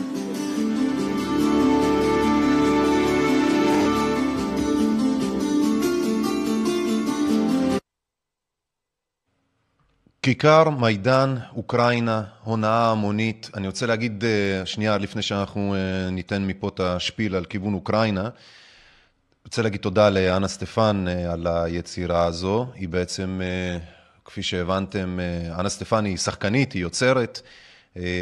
לימים יצא לי לשוחח איתה, להיפגש איתה גם. אה, סיפרה לי על היצירה הזאת, ואני רוצה להגיד גם כמובן תודה רבה לדורית. אה, מהצוות שלנו שסייעה ומסייעת אה, ועזרה לנו אה, בהכנת הקטעים. הסרטון הזה מתאר את הפוליטיקה הפנימית שיש באוקראינה, כמובן עכשיו היא כבר אחרת לגמרי בגלל הפליטות והמלחמה, אבל זה כדי להסביר את הפוליטיקה הפנימית של אוקראינה ועד כמה אוקראינה כמדינה לא שונה כמעט מאף מדינה מערבית גדולה כזאת או אחרת מבחינת כמות האנשים והמיקום. וכשאנחנו מסתכלים על החורבן של אוקראינה כרגע, אנחנו חייבים לדעתי להפריד בין התרבות, נקרא לזה, כן, האוקראינית, מבחינת שפה, מיקום ועוד כל מיני דברים, לבין הפוליטיקה האוקראינית, אוקיי? הפוליטיקה, נכון לכיום, ברוב מדינות המערב, היא מבוססת הונאה המונית. זה הבסיס של השליטה, זה הבסיס של העסקים, זה הבסיס של הכלכלה, זה הבסיס שלהם. הונאה המונית. היופי בסרט הזה של אנה סטפן, זה שממנו אפשר כמעט בקלות לראות דברים שדומים וזהים אצלנו פה בישראל. פלגים קיצוניים כאלו ואחרים שנלחמים בצורה קיצונית, האחד בשנייה, כל כך חזק וכל כך הרבה, שאתה פשוט לא מבין כאילו איך היא, מדינה כזאת עוד נמצאת בחיים. ואתה כן מבין כשכמו אצלנו בישראל נחרב בית ראשון ואחר כך בית שני, לא בידי היוונים והרומאים, כמו בידי אותם היהודים המקומיים והפלגים הקיצוניים שפילגו את המדינה. ההונאה ההמונית גורמת לציבורים השונים בעולם, בעמים המודרניים, לחשוב כאילו מה שהיה, התרבות שהם התבססו עליה ולמדו אותה וזה, הם חושבים שהיא עדיין ישנה. הם לא הבינו שאלה שלימדו אותם, אותי כילד, על ערכים, מולדת ועל כל מיני כאלה, בזמן שהם לימדו אותי, הם שדדו ושתו ממני וממה שהם לימדו את כל התכלית ואת כל המהות. שתו, השמידו, החריבו, חרבנו לגמרי.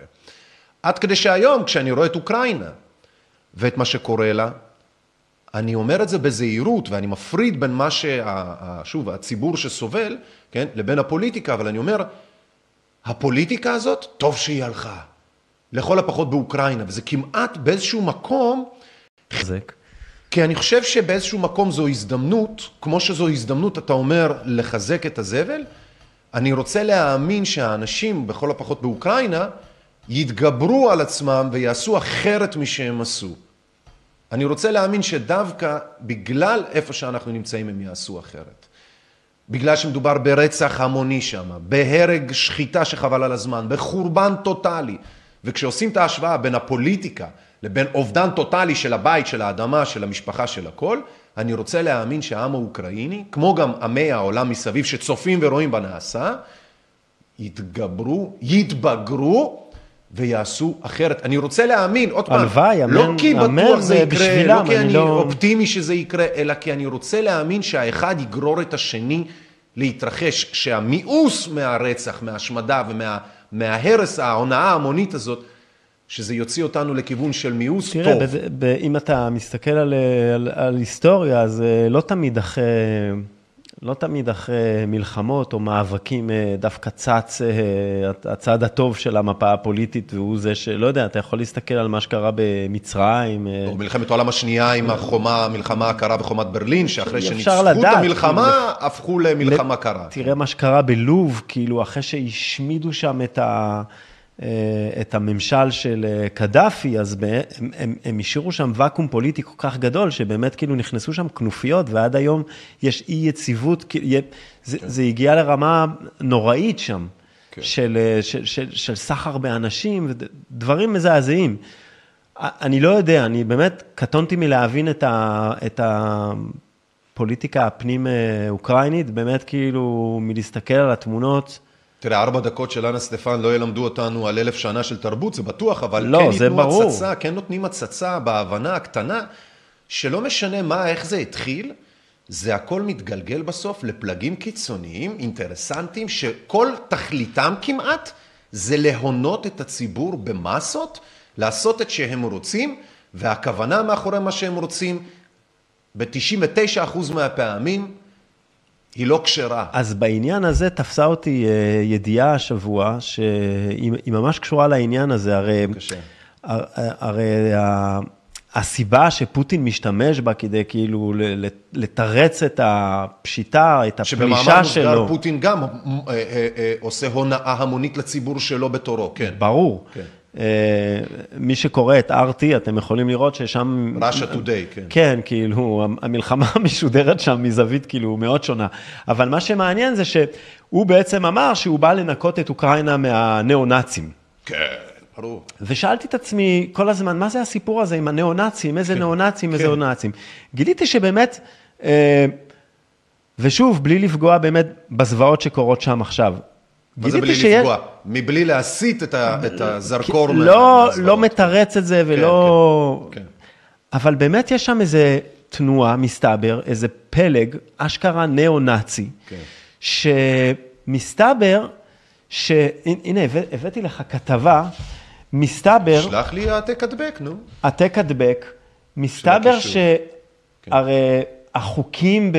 החוקים בפייסבוק ובטוויטר ובכל הדבר הזה, הם שאסור, עד, עד עכשיו, שלחתי לך, עד עכשיו בעצם אסור היה להלל אותם או לדבר עליהם. את הרוסים. לא, את הפלג הספציפי הזה, אוקיי. שנלחם היום נגד הרוסים.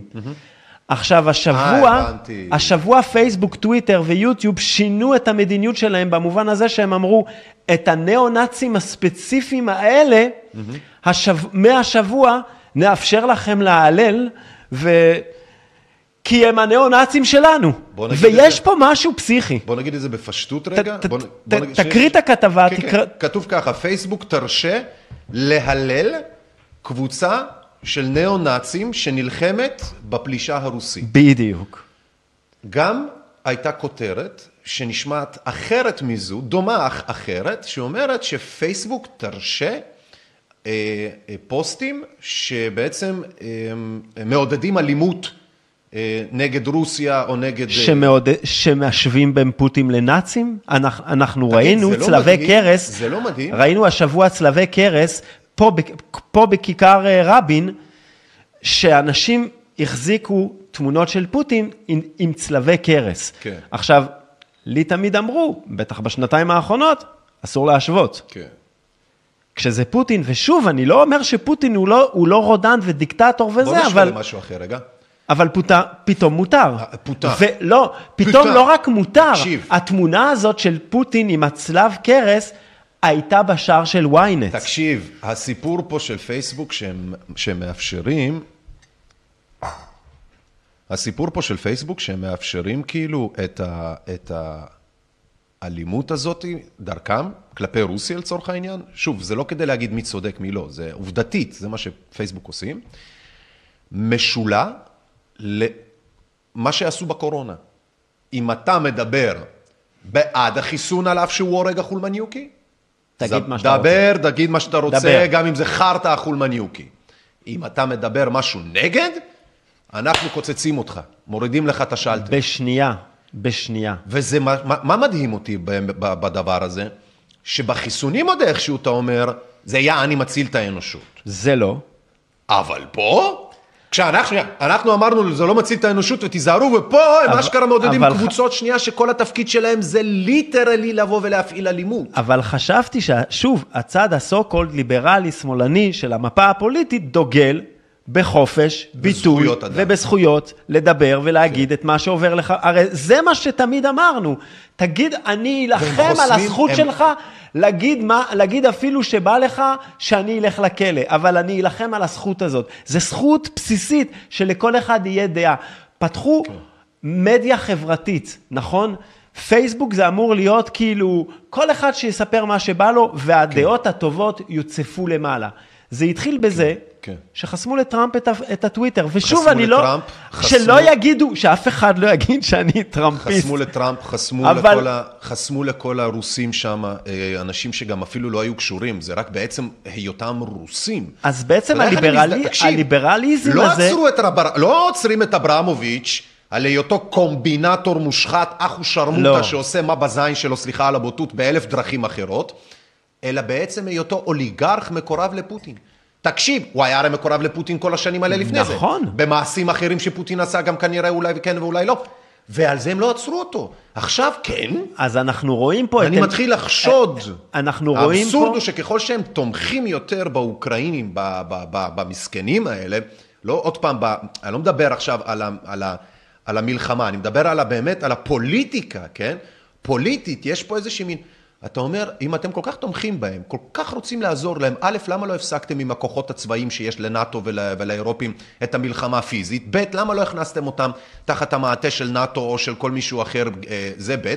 ג', למה לא בכל השנים, מ-2014 לכל הפחות, כן, שפוטין סיפח את סוצ'י, עד היום לא הגבתם לברוטליות של פוטין בזה שהוא סיפח את חצי האי קרים וסוצ'י במשחקים אולימפיים ולא עצרתם את המשחקים אפילו. אפילו את המשחקים לא עצרו. אה, ועכשיו פתאום הם סוגרים את הרוסים וסותמים להם את הפה? אתה, כש- אתה יודע מה, אני, זה, לא, זה עצוב, כי אנשים נהרגים, נשחטים, ואני יושב איתך פה, ופתאום- ומזהה הונאה המונית, ומה אני אמור לעשות, לסתום ו- את הפה? ופתאום מותר לעודד ניאו-נאצים, ופתאום צלבי קרע זה בסדר, ופתאום אנחנו רואים, הכל... הנה עוד הפעם הכל- הכתבה, וזה הכל מהדיילי- מתהפך. אה, זה מהאינטרספט? זה מהאינטרספט. אה, מהאינטרספט? זה מהשבוע. אה, Facebook allows praise of neo-Nazi Ukrainian battalion. It fights Russian invasion. If it fights, אם זה, אם זה יילחם, כן? זה מדהים.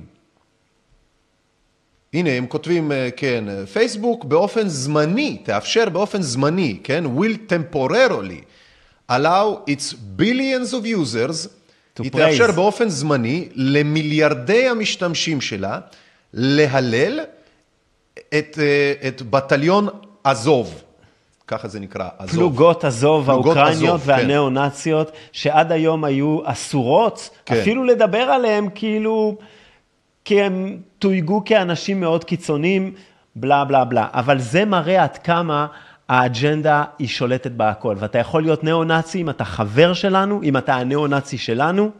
זה אתה בסדר. בפייסבוק. זה מדהים. אם אתה מעלה פוסט נגד חיסונים, אתה אומר, אני רק חושב כן. שלחסן ילדים בני חמש זה נראה לי לא סביר, בום, 30 יום, מלא אתה סגור. אנשים דואגים שהעלייה לישראל תאפשר בעצם אה, סוס טרויאני בדמות ניאו-נאצים אה, אנטי-רוסיים לתפוס על זה גל ולעלות לארץ אה, ב... ב אה, בכסות של אה, אה, חוק שבות ו- ו- וכל מיני כאלה. מה דעתך על הנושא הזה? אני אישית כאילו חושב שזה... יש, יש לנו את הניאו-נאצים שלנו, זה בסדר. אני בדיוק מה שחשבתי. בואו- אמרתי, בואו יש- יש ניאו-נאצים בס- גדולים יותר. אתם לא צריכים לדאוג מאלה שיבואו מבחוץ, יש לנו את, כן. ה, את המקומים שלנו. יש לנו את שלנו. יכול להיות שאלה יתחברו עם אלה, וזה יהיה מעניין אה, לראות. מה, ש, מה שגם אה, מעניין ותפס אותי השבוע אה, בקשר ל, לעניין העלייה. ראיון, תכף אנחנו נראה שעל- על הקליטת עלייה הזאת, ב- ראיון עם בקשר איילת שקד. לקליטת העלייה, ראיון עם אז איילת שקד אה, עוד רגע. הנה, הנה, אה, הנה כותרת, משרד הבריאות בוחן כן. מבצע חיסונים לפליטי המלחמה. שלא יגיעו אלינו אנשים חולים, הם חושבים לחסן אותם, וגם בפוליו. למה פוליו זה החדש? זה ה... תקשיב, זה הכותרת. בימים הקרובים יוחלט אם לחסן את המגיעים מאוקראינה נגד הקורונה, ייתכן גם ילדים, שילדים יחוסנו גם נגד פוליו. יש, יש לי דעה, וזו הדעה שלי. שמעת אותה היטב. מיליון, די. זה פשוט מדהים. אני פליטים רוצה כן, שנשמע פליטים... אומניקרון, עזוב, גם מה, נייט, ש... מה נייט שיפה... אומניקרון. גם מה שיפה זה שהם כל כך דואגים לפליטים מאוקראינה שיהיו בריאים, כן? שאם עושים את, האיש, את ההשוואה לפליטים השחורים שהגיעו לכאן, ואיך שם דאגו להם שיהיו בריאים, אני הייתי במקום האוקראינים קצת מודאג. הם יעבירו אותם ישר לחולות? ישר לחולות! טריי לילי, טריי לילי, בלץ, מה שנקרא. כן, ישר לחולות.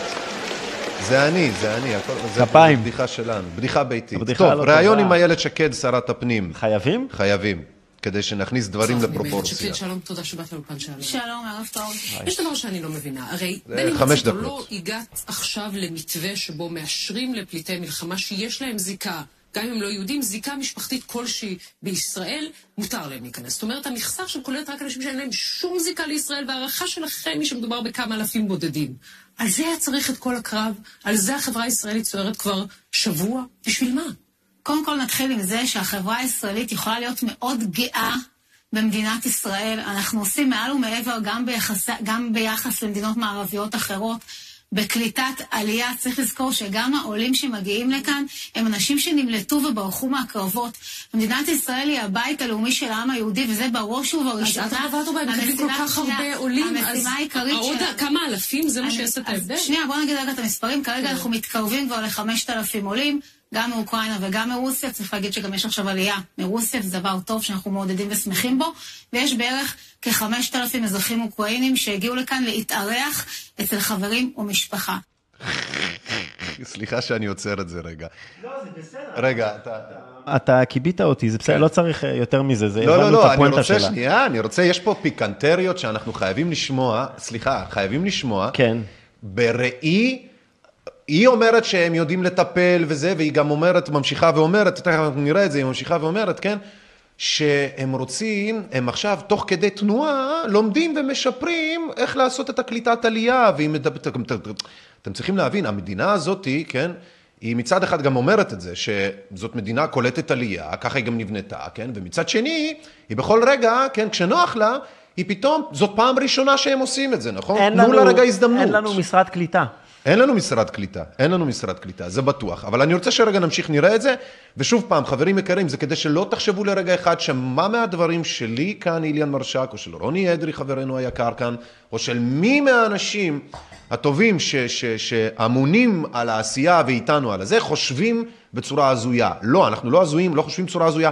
אנחנו לחלוטין מסתכלים על הדברים שנאמרים פה ומקשיבים להם, ומבינים את ההונאה מול העיניים שלנו. איילת שקד, שרת הפנים, בואו תמשיכו, בואו נמשיך לראות את הזבל הזה. בסופו של דבר, אני כשרת פנים, האחריות לכניסה לישראל מוט... מוטלת עליי. ובשעה כזאת, אני אעשה מה שנכון למדינה, ולא בהכרח מה ש... יש לי פידבק? הבנתי. פתרו לנו, מי שעשה את ההקלטה, פתר. אותנו מהסרטון, הבנתי. אבל תראה, זה די- זה די ברור, לא צריך לשמוע את... היא- אז אה, כן, אז לא- בקיצור, לא אז היא צריך אומרת, אותו. שכמו שאמרנו מקודם, היא אומרת על זה שזה פעם ראשונה, שהם הם באמת, אה, זה, הם אה, תוך כדי תנועה, הם קולטים עלייה, והם מנסים ומשתדלים, היא זורקת מספרים, ועוד כל מיני דברים שהם, בעצם כשחושבים על זה, הם הזויים וזה שקר, זה הרי ש- זה שקר. זה שקר, זה כמו לבוא פעם ראשונה, בן אדם אה, 30 שנה נהג אגד, כן? אה, או עובד באיזשהו מפעל, מייצר איזשהו חלק, ואז כאילו בא אליו המנהל אה, ייצור ומסתכל על אחד החלקים, והוא אומר, תגיד, למה החלק הזה נראה כאילו מישהו שהתחיל את העבודה רק אתמול במפעל עשה אותו? אז הוא אומר, אה, תשמע, אה, בעצם גלמל, לא הייתי מרוכז, הייתי פה כאילו. יש בסוף תירוצים שיש אנשים מסוימים שיכולים לתת אותם, ויש אנשים ואומות מסוימות שלא יכולות לתת אותם. זה פשוט, זה כמו עם טרודו, ג'סטין טרודו וקנדה. המעשים שלו, כלפי העם שלו, ז'יסטן. מה שהוא עשה עם העניין של התקנות הקורונה והצווים לשעת חירום והאופן שבו הוא הוציא את הכוח שלו, את המדיניות, הבוטות והקיצוניות, אם זה היה קורה בצפון קוריאה, כמו שאנחנו אומרים, לא חדש, לא מעניין, אפילו לא חדשות, לא היה מגיע לחדשות. אבל זה קורה בפאקינג קנדה. זה קורה, בק... זה קורה במדינה שבה זה כל כך לא הגיוני שזה יקרה, שחייבים להתעכב ולראות את זה. ולכן זה ההבדל, וזה זה ההבדל. קרה וזה בכמה למה- מדינות במקביל. ולא רק, אבל עוד פעם, המדינות שאתה פשוט לא היית מאמין, ולכן פה קנ- במדינת קנדה, ישראל כקולטת עלייה, קנדה. אין, אין את היכולת לשרת הפנים, שקד, להגיד את הדברים שהיא... אין את האפשרות, אין לך את האפשרות. היא זה לא חייבת, צפון אבל... קוריאה שקולטת עלייה חייבת. ומתלהבת. אבל היא חייבת להגיד את זה. היא, יש לה קהל יד. יש לה אנשים שהביאו אותה לשלטון. אמנם הם לא הרבה, וזה שאתה אומר, איילת שקד, שרת הפנים, זה כבר שערורייה כדוגמתה, אבל זה פחות או יותר. כמו להגיד אה, הורוביץ שר הבריאות. זה שערוריות שאין כדוגמתם. זה אנשים שבאמת... לא, לא מכבדים את, ה, את התפקיד שהם נושאים, אבל היא חייבת להגיד את מה שהיא אומרת, כי יש לה אנשים שמצביעים בה, והאנשים שהביאו אותה לשלטון הם אנשים שלא אוהבים זרים. כל מה שהוא לא יהודי, כן. עם כיפה, הם לא רוצים אותו במדינת ישראל.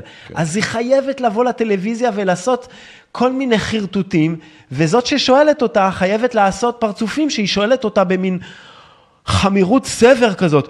לא היה, איפה את היית לפני fucking חודש שאני הייתי fucking פליט בתוך המדינה של עצמי? לא שאלת אף אחד שזה לא הפריע לך? כן. עכשיו זה מפריע לך הפליטים? חצי מהמדינה פה פליט, פליטים בתוך, בתוך הבית, המדינה. כן. אנשים לא יכלו ללכת לעבודה. פתאום המראיינת הזאת, היא כאילו, יש לה... הכל הצגה, זה לא חדשות, זה הצגה בשעה שמונה, זה קומדיה דל ארטה. זה מה שאנחנו רואים, למדנו את זה, כמו שאמרת. תראה את הקומדיה. טרודו, תח- זה לא רק, תקשיב, זה אוסטרליה, זה ניו זילנד, זה המדינות הכי... בוא נראה רגע את הבושה הזאת, שהם בעצמם, תראה, אוקיי, מייצרים, show me. מייצרים ובוכים עליה. או, ערב טוב ושבת שלום. אנחנו אולפן שישי, והערב צריך לדבר על בושה. בושה גדולה. תקפיא את הפריים, תקפיא את? הפריים בבקשה, תראה.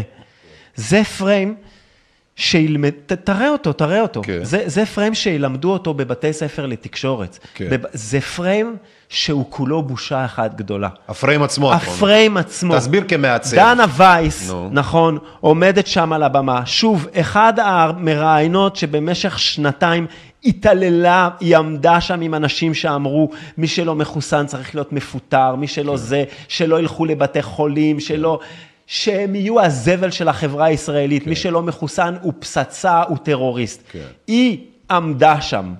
עכשיו האישה הזאת, שאיבדה כל קרדיביליטי, כל אמינות. קרדיט להשתמש במילה כן. בושה, כי היא בעצמה הפכה לבושה. כן. עומדת מאחורי פוסטר בגודל של בית, עם כזה אייקון קטן של אוקראינה בקטן, זה בושה. זה אוקראינה, כשבאמצע שלה יורד דם. והיא. מנסה כן. לסחוט ממני דמעות. כן. אחותי, את הבושה. כן. כל ההצגה הזאת זה בושה. אם אתם רוצים בשעה שמונה וחצי לדבר על מה שקורה באוקראינה, כן. קודם כל, תחליפו את המגישה. היא איבדה כל קרדיביליטי, היא לא יכולה לדבר. אין להם עוד מגישים, מה הם לא- ישימו? אה, תביאו חדש. תעשו מכרז, מה- תעשו משהו. כי איך שאני רואה אותה, אני אומר בושה. טוב, בוא נראה את הקטע רגע, אנשים לא מבינים על מה אנחנו מתביישים פה. בוא נראה. ממשלה ששכחה מהי חמלה. ממשלה שמאפשרת שזאת תהיה קבלת הפנים בישראל לפליטים שבורחים ממלחמה עקובה מדם. ילדים קטנים שנעקרו מבתיהם, שעברו ימים של טלטלות וחרדות, שוכבים על מסוע מזוודות, וקשישים שמתעלפים. הם ממתינים שעות ארוכות עד שפקידי משרד הפנים יסיימו לבדוק אם הם חס וחלילה לא מנסים להרים על המערכת ולהיכנס לכאן. ומה יקרה אם יגלו קצת גמישות, כמה אוקראינים באמת רוצים להשתקע כאן? לרובם הרי יש בית ועבודה וחיים מצוינים. שם, ובתום המלחמה, הם יחזרו. הילדה הקטנה והאישה בת ה-80 אינם מהגרי עבודה. עצוב. עצוב שהממשלה הייתה צריכה לחכות לתמונות שפרסמנו כאן אמש במהדורה כדי להתעורר ולשנות מדיניות. לשערורייה הזו יש כתובת משרד הפנים והשרה איילת שקד, אותה שקד שרק לפני כמה ימים אמרה כך. אני אתמול עשיתי סיור בנתב"ג, יש כמה וכמה אולמות המתנה עם מים ועם סנדוויצ'ים, מנסים לעשות את זה ככל שניתן סביר. אמרה, אבל בשטח המצב נראה ממש לא טוב. כמעט שלושה שבועות אנחנו שומעים מהשרים שהם צריכים רק עוד קצת זמן כדי להיערך. רק השבוע פרסמנו שהערבות הכספית תבוטל, ושקד אף הצהירה על כך למצלמות. והנה בפועל, ילדה עם אזרחות ישראלית ואימה כמעט גורשו אמש כי האב לא הצליח לגייס 50 אלף שקל ערבות בתוך כמה שעות. ולמה אתם שואלים? כי ברשות האוכלוסין אומרים שהאימא ניסתה להיכנס לישראל במרמה שלוש פעמים ושהילדה, אזרחית ישראלית כן, לא מדברת עברית. זה רציני? על מלחמה שמעתם? אז איך אומרת איילת שקד של ארץ נהדרת? ברוכים הבאים לישראל, הלב פתוח, הגבול סגור. אתה יודע, תקשיב, זה בושה, זה, יודע, רוני, זה, זה אני מטריף חייב- אותי, תקשיב. זה מטריף אותי. תקשיב, אני, תקשיב. אני, סליחה, כן, את- אני... את- את- זה, זה, אתה יודע מה, מה, על מה אני חשבתי? החלפתי את המילה אוקראינים במה שקשור לקורונה, ואתה רואה את הצביעות אפילו עוד יותר. זה מטריף אותי שהאישה הזאת עומדת שם. הרי כשהיה את הקורונה, ואומרת, הם עשו בדיוק עצוב, את ההפך. אבל היא עמדה, תקשיב, היא, אומר, היא אומרת עכשיו פה בכתבה, היא אומרת, ומה, ומה היא, היא קודם כל, היא מבקשת חמלה. היא השתמשה במילה חמלה או איזה ארבע פעמים. פתאום היא מעניין מבקשת אותה. חמלה. היא אומרת, ומה יקרה אם טיפה תתגמשו? מה, ומה יקרה... כמה ב- כסף הם לקחו מילדים שלא עטו מסכה כמו שצריך, ושפיצצו אותם באמצע הרחוב בים, היא עד שהם היו בלבד בפארקים ובכל מיני כאלה. והיא עמדה מאחוריה... פתאום מעניין אותה אלה שבאים בשערים שלהם, היא המסכנים. עמדה מאחורי אנשים שאמרו שמי שלא מחוסן שיישאר בבית. היא לא ביקשה אז חמלה, היא לא ביקשה אז שיתגמשו. כשאיזה בחור הגיע מרוסיה לבקר את ההורים שלו, לא נתנו לו להיכנס לארץ כי הוא, עלה, כי הוא לא היה מחוסן. לא, אתה זוכר את הקטעים האלה? מה, מה, לא נתנו להם להיכנס, כי הם לא לא נת- עשו לא חיסון, כי הם לא עשו בדיקה, כי המטוס שלו נכנס, כי אסור ו- לו, כי הוא לא רצה לשים מסכה, העיפו אותו מהמטוס, בעטו אותו. ופתאום, ופתאום היא כאילו, היא אישה שכולה חמלה. כן. זה ההונאה, זה ההונאה הגדולה. כן. אד- האנשים האלה, אני לא יכול לראות אותם יותר. אני לא יודע איך מישהו יכול לראות חדשות ולא לרצות להקיץ, סלח לי, הם פשוט, הם דוחים אותי. זה בדיוק מה שאנחנו עושים פה, אנחנו מצביעים על, ה, על הפארסה, ואגב, אני, אני תראה, אני... וסליחה אני, שאנחנו לא נוגעים בנושא שהיא מדברת עליו, כי אנחנו... כי, כי- לא, כי מרוב שזה, בנושא. כי מרוב שזה מציף אותי, בסוף אנחנו מפספסים רוני, את העניין של זה- באמת קורה עוול נוראי רוני, בנתב"ג עם, ה, עם האוקראינים. בנושא, זה לגעת בנושא, כי אתה יודע מה הנושא, אחי? בוא, עימות בממשלה, הלבנים לא מוכנים להעלות אתיופים. תמנו שטה, אוקיי? שרת הקליטה. השרה תמנו שטה האשימה את חברי הממשלה בגזענות בעקבות מתווה הקליטה. הלבנים לא מוכנים להעלות מאתיופיה. השר ליברמן אומר, כולם רוצים את האוקראיניות. אתה מבין את, ה, את המולדובן הטמבל הזה? לא, הוא אומר את זה ב... הממשלה, לא, הוא... הוא לא אומר את זה ברצינות. תקשיב טוב, זה מעניין אותך אם הוא אמר את זה ברצינות או לא? זה לא, fucking שר הוא- אוצר הוא- בממשלת הוא ישראל. זה, הוא אומר את זה כנגד... נראה לך הגיון, לא, הוא לא אמר לא כנגד ולא נעליים, הוא יתנצל על זה אחר כך, תעזוב אותך, אין פה תירוץ לדיבורים כאלה, אתה fucking שר אוצר ממולדובה, כאילו מישהו רציני, ענייני, מה אתה ש- דפוק? שאף אחד לא יחשוב- הממשלה, רגע, מסנג'ר על... נסיים את הזה, זה ליברמן. כתבתו של גילי כהן, מיכאל שמש ועמיחי שטיין מ-14 במרץ, אה, כאן 11. אה, הממשלה אישרה את תוכנית ההיערכות לקליטת העלייה מאוקראינה, רוסיה ומדינות, ורוסיה ומדינות האזור. 100 אלף, אה, זה, אני, למה אני אומר את זה? כי הם, הם פשוט שיקרו וחרטטו עם האתיופים, עם התימנים, עם המרוקאים, זימברו אותנו, חבל על הזמן. והם באים לנו פה עם הקליטה הזאת של ה... של ה איך קוראים? של האוקראינים, ועושים להם עוד הפעם את אותם העוולות. אבל למה לקרוא לזה קליטה? זה רגע, פליטים. למה? אני לא תן מבין לסיים את את ה... הפואנטה, רגע. והם עושים כל כך הרבה חטאים, שכשאתה מסתכל אחורה, אתה אומר, אין, מדינת ישראל לא עוזרת למסכנים האלה. היא הולכת עכשיו, היא מנסה, היא, למה התהליך מבולגן ונראה כמו שהוא נראה? כי היא לא רוצה, המדינה הזאת, שייכנסו לתוכה אנשים שהם לא קודם כל בודקים איך אפשר לסנג'ר להם את האם אימא, כן? אם הם כוח איכותי ושאפשר לסנג'ר אותו שחבל על הזמן. למה היו פה מיליון וחצי רוסים, שחצי מהם היו פרופסורים ודוקטורים, ורק עשירית, אלפית מהם התקבלו לעבודות שבהם הם עבדו במדינה מהם הם הגיעו? למה? כי מדינת ישראל כיוונה לזה. ופה אני אומר מסכנים האוקראינים שנכנסים בשערי המדינה בהיבט החברתי. כי בזה שהם יצאו ממלחמה אחת, הם עכשיו הולכים לטחון את התחת, הולכים לטחון להם את התחת במלחמה אחרת. הם הולכים להיות פה האנדרדוג, הם הולכים להיות פה הזונות מאוקראינה, כפי שהיו הזונות מרוסיה, הם יהיו פה אה, האוקראינים המסריחים, הם יהיו פה הפועלים הזרים, הם יהיו פה השוהים הבלתי חוקיים, אגב יש רבים מהם גם, אה, גם בלי קשר למלחמה, שמהרבה מדינות שוהים בלתי חוקיים, כן, גרוזיה, אוקראינה, רומניה, יש מלא, כן, לבנים וכאלה. אבל זה בדיוק המלחמה של המדינה הזאת, זה מה שמעניין אותה. מעניין אותה איך אפשר יהיה לנצל אותם, ושחס ושלום לא יבואו לפה כדי לנצל אותנו. אתה מבין? וזה בראש, תוך כדי מלחמה, שאנשים צריכים משאבים לעזרה. וזה ההונאה ההמונית, כי זה לא השתנה ולא ישתנה. זה מה שמרתיח אותי שחבל על הזמן, והם יודעים את זה. מסתכלים לי על המתחת לפנס, איפה שהכי נוח, כי שם הרי לא קורה כלום, שם לא ירביצו לך. אני, יש לי הצעה לממשלה, הם יכולים uh, לעשות סל קליטה של כמה מיליונים. סלסילת קליטה. סל קליטה uh, וקבלת uh, פנים של מיליונים mm-hmm. לכל uh, אזרח אוקראיני שמבקש פה להיות, וכל מה שהם צריכים לעשות זה להעביר את כל המשאבים של אה, משרד הבריאות, פרסומות, פרסומות לקורונה ולחיסוני קורונה, את כל הכסף הזה, שעד היום, אם אני לא טועה, זה משהו כמו 300 מיליון שקל. ערימות. כל הכסף הזה אתם יכולים להעביר ישירות לשם. הנה, הנה מצאתי לכם כמה מיליונים.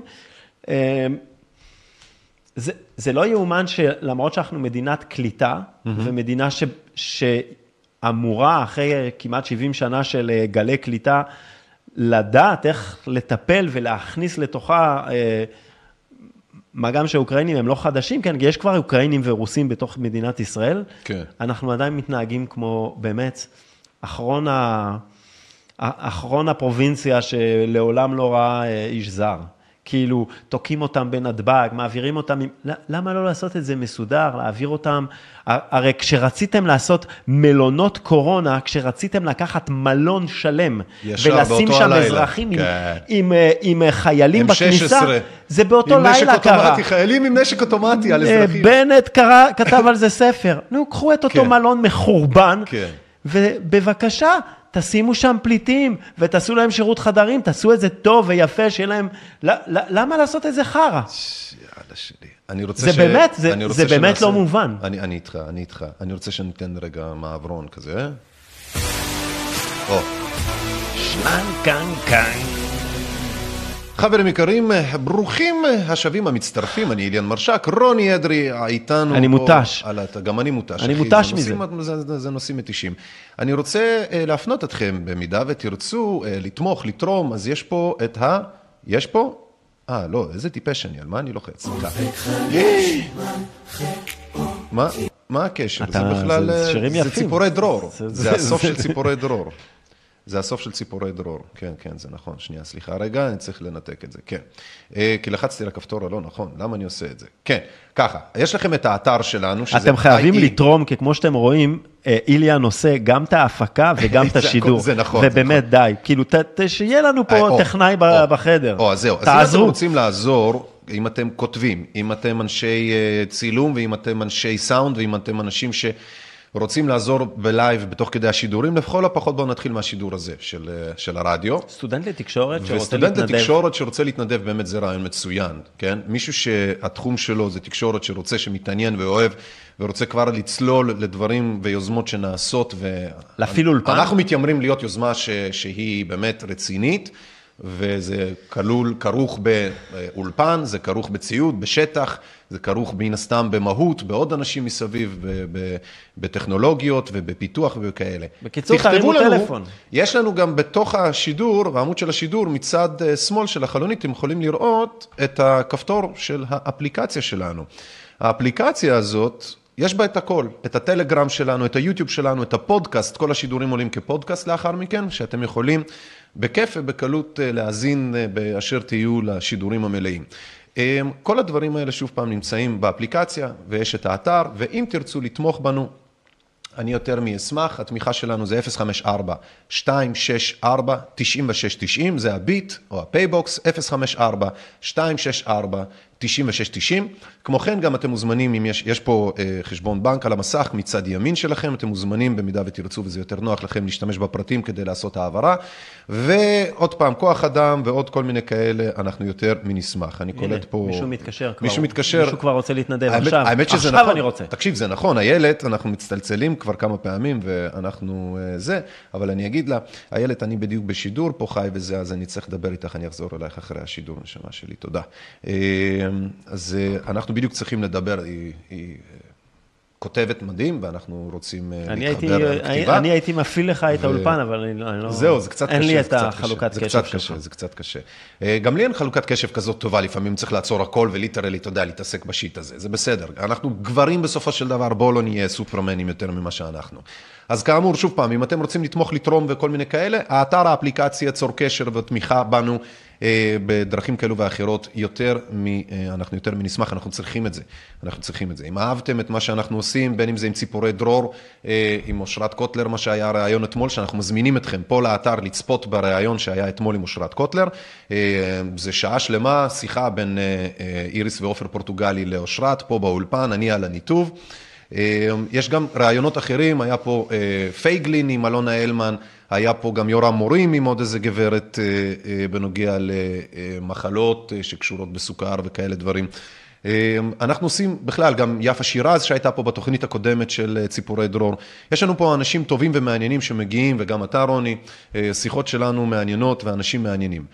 תיכנסו, תצפו, תראו, אהבתם, תשתפו, תגיבו, תעקבו אחרינו, פעמון אדום מימין למטה באתר, פעמון אדום מימין למטה באתר ו/או ביוטיוב, אתם גם יכולים לתמוך ולעשות. זהו. כן? אה, סטנד, לא, לא, אני הרי מטומטם. אני מחובה. ככה, לא, אתה לא, זה...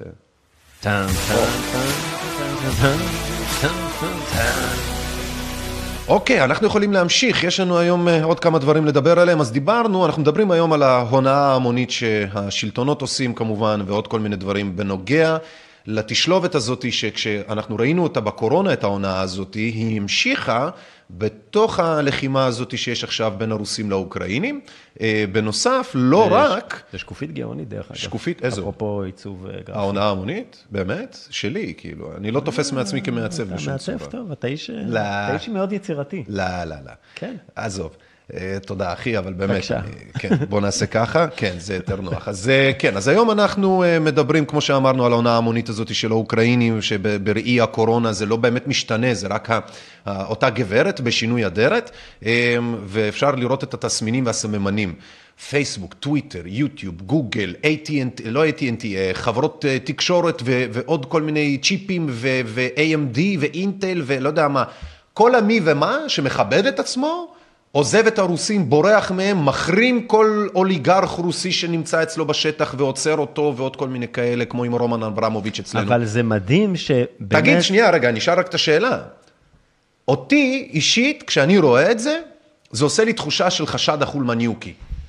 ברור, כי הם, כי הם אומרים, אנחנו לא סומכים עליכם שאתם לא תדעו, שאתם אה, לא תדעו להסתכל על הנתונים ולקבל החלטה, אז אנחנו נמנע מכם לקבל חלק מהנתונים. שוב, דיברנו קודם על אה, RT.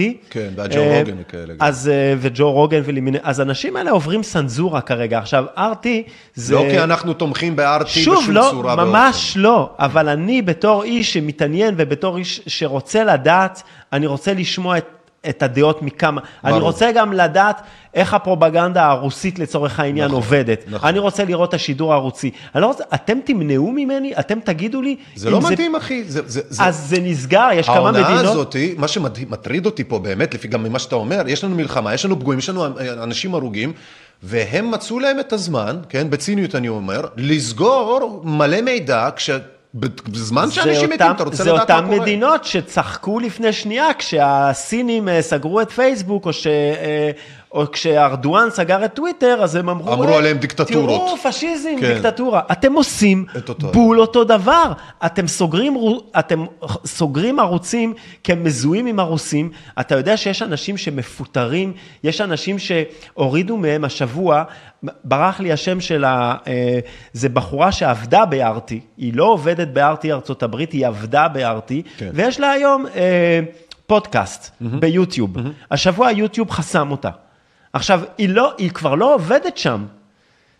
יוטיוב אמרו, היא affiliated, כן, היא מיוחסת, ולכן, מקושרת, כן. ולכן אין לכם מה לשמוע אותה. סגרנו את זה. זה פשיזם. זה גורם לי להתחיל לחפש ולדעת, רגע, מה היא רצתה להגיד? ותראה את הצביעות, תראה את הצביעות, תראה את הכתבה הזאת, זו כתבה מביז פורטל. הטור של גרינברג. תחום ההגנה והחלל זכה לדחיפה הודות לפוטין. אלביט מערכות מרוויחה. תת כותרת, הפלישה הרוסית לאוקראינה נתנה לתחומי הביטחון והחלל עוד דחיפה קדימה בהתעניינות של משקיעים והזדמנות טובה לחזור ולהביט בפעילות חברת אלביט מערכות, היש- אה, אה, ולהביט בפעילות חברת אלביט מערכות הישראלית הוותיקה. וגם איזו חברה נוספת תהנה מההתעניינות בתחום. הוא ממשיך וכותב את, ה, את הרישה של הדברים, אין שום ספק שתחום ההגנה והחלל הוא הנהנה, הוא כותב את זה במרכאות, כאילו, איזה מרכאות יש פה? הוא באמת נהנה, הוא כתב את זה הוא בכותרת. באמת נהנה, הוא פשוט מתבייש לכתוב הוא את זה. הנהנה הגדול בוול סטריט מהמלחמה באוקראינה. לא שתחום זה פיגר אחרי סקטורים אחרים, אבל עצם המילה הגנה פגעה, בלה בלה בלה בלה בלה. זה, אתה יודע, זה מדהים אותי לחשוב שהבן אדם שם מרכאות על מה שהוא לא מרכאות בשום צורה. הוא סגי נאור בציניות, זה לא ציניות, זה באמת ברצינות. הוא לא- הוא הוא לא רוצה להגיד. שזאת הנאה...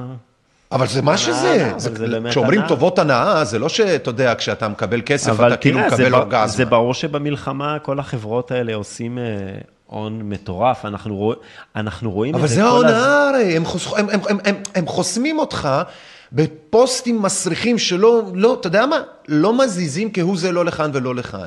זה מזיז, זה מזיז כי זה מאפשר. לאנשים לקבל דעה תקשיב, יותר תקשיב, רחבה. תקשיב, תקשיב. כשמישהו מוכר נשק, כמו אלביט מערכות, כמו רפאל, כמו, לא יודע מה, אלתא שם, וכל מיני כאלה, כן? תעשייה אווירית וזה. כשהם מוכרים את השיט שהם מוכרים, שבתורו הולך והורג ומשמיד ועושה כל מה שהוא עושה לאנשים, אני אישית יותר דואג ממל"ט מאשר מטרול שכותב אלף פוסטים בפייסבוק בצורה הכי מסיתה שיש, ותקרא לו המקצוען הגדול ביותר ככל שיהיה. אני פחות מוטרד ממנו, על אף שאני מבין את ההשפעה והאפקט שיש על, לטרולים, על, על תנועה של מדיניות ובלה בלה בלה.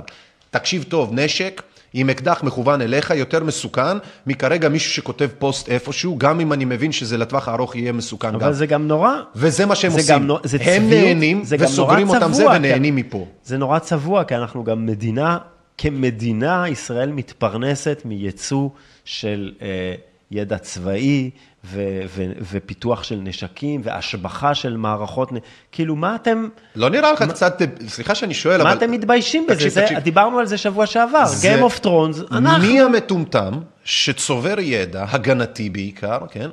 והולך ומוכר אותו לאנשים, כשזה ברור הרי שזה יגיע כמוצר, כן? הרי ברגע שאתה משחרר משהו, זה יגיע למישהו, בצורה כזאת או אחרת.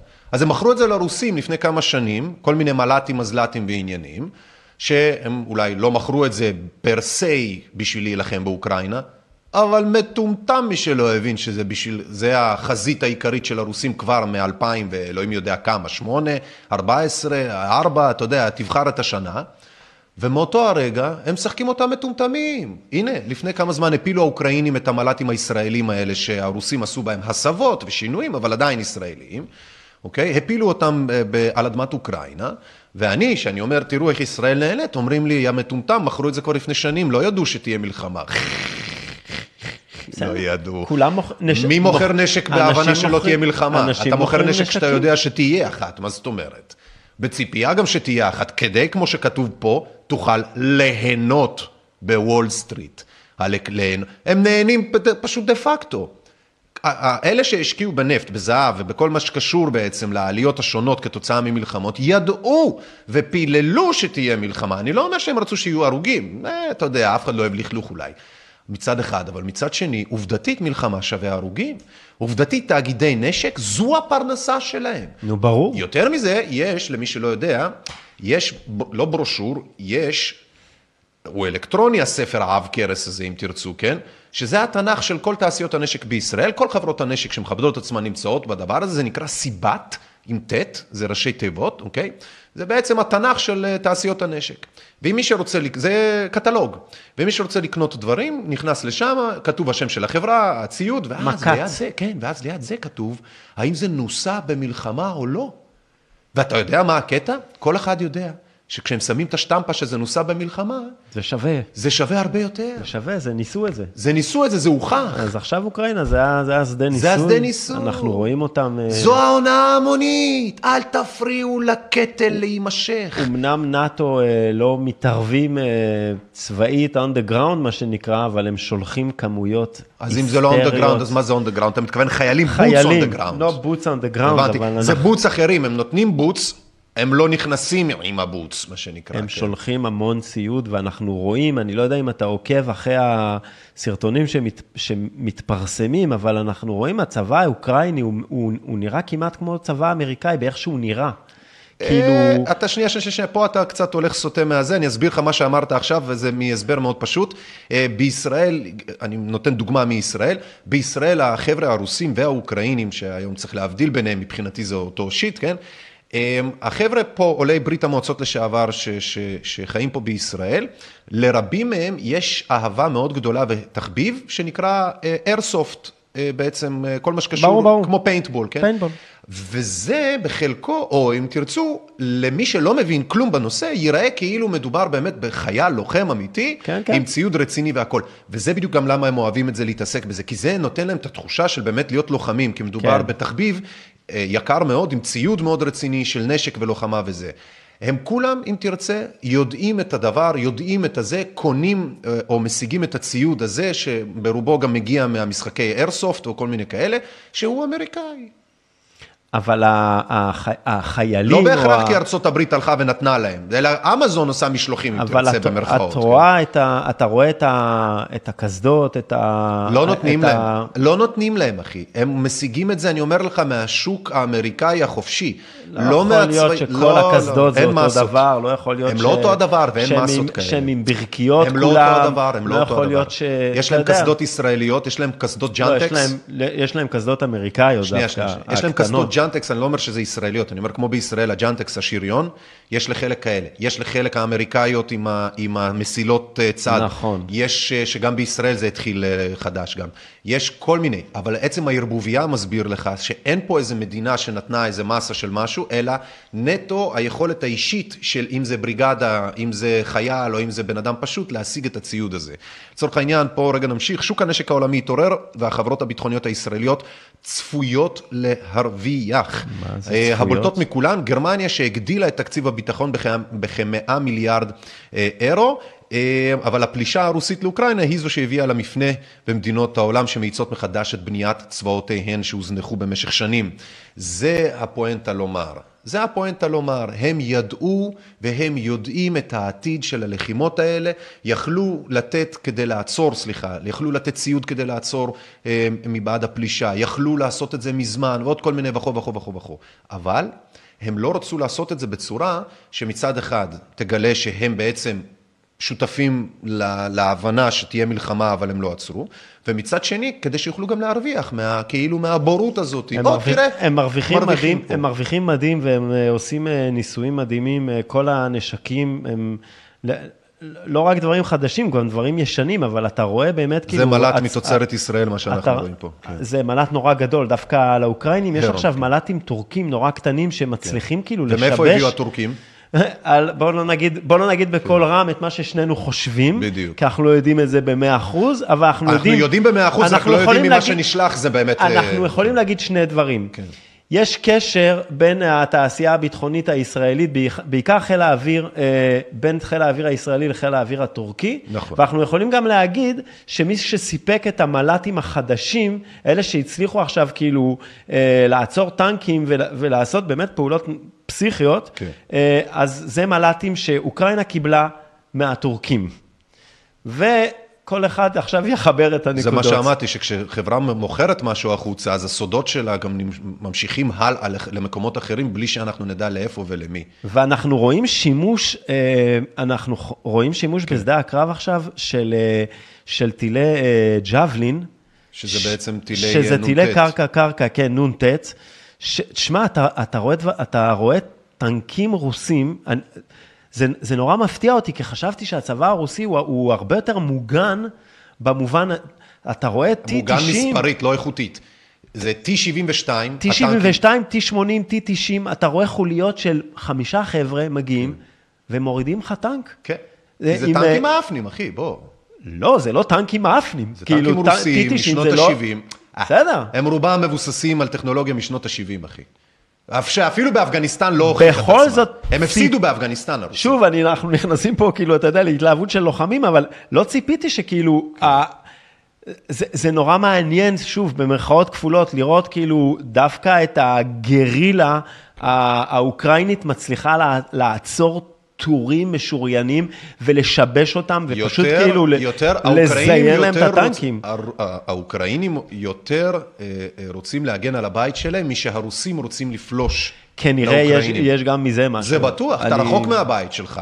אתה תלוי נטו באספקה שלך שיש איתך. כל דבר אחר מחוץ לטנק שלך, כרוסי אני מתכוון עכשיו, כן? כן. כל דבר אחר מחוץ לטנק שלך הוא... זה שטח אויב. זה שטח אויב. ואתה, זה יכול להיות מורעל, ממולכד, או מחכה לך איזה סנייפר. ומן הסתם שהתנאים והיכולת שלך אה, הם גרועים, האוקראינים, תמיד מי שנלחם על הבית שלו, הוא יהיה יותר, אה, יש לו יותר את היכולת. מן הסתם, גם אם מפתיעים אותו. מן הסתם, כי הוא מכיר את השטח. תמיד בתפיסת כן. העולם היה כאילו מין... הבהמה הגסה הזאת, רוסיה, תבוא, כן. תיכנס ותרמוס את כל מה שבדרך. כן. אנחנו רואים דברים נוראים, אבל את זה אנחנו לא רואים, אנחנו אמת. דווקא רואים התנגדות באמת אה, מאוד הירואית. אמת. שוב, אם אפשר להשתמש במונחים כאלה, מאוד הירואית של... לא, הבן אדם עצמו של חוליות, של חוליות אוקראיניות, של אנשים שאתה רואה שהם סוג של פלנגות, כאילו, כי באמת אתה רואה שכל אחד עם איזה, כל אחד עם רובה אחר, מאולתר, אחד עם קלאץ', אחד עם כלי אמריקאי, נכון.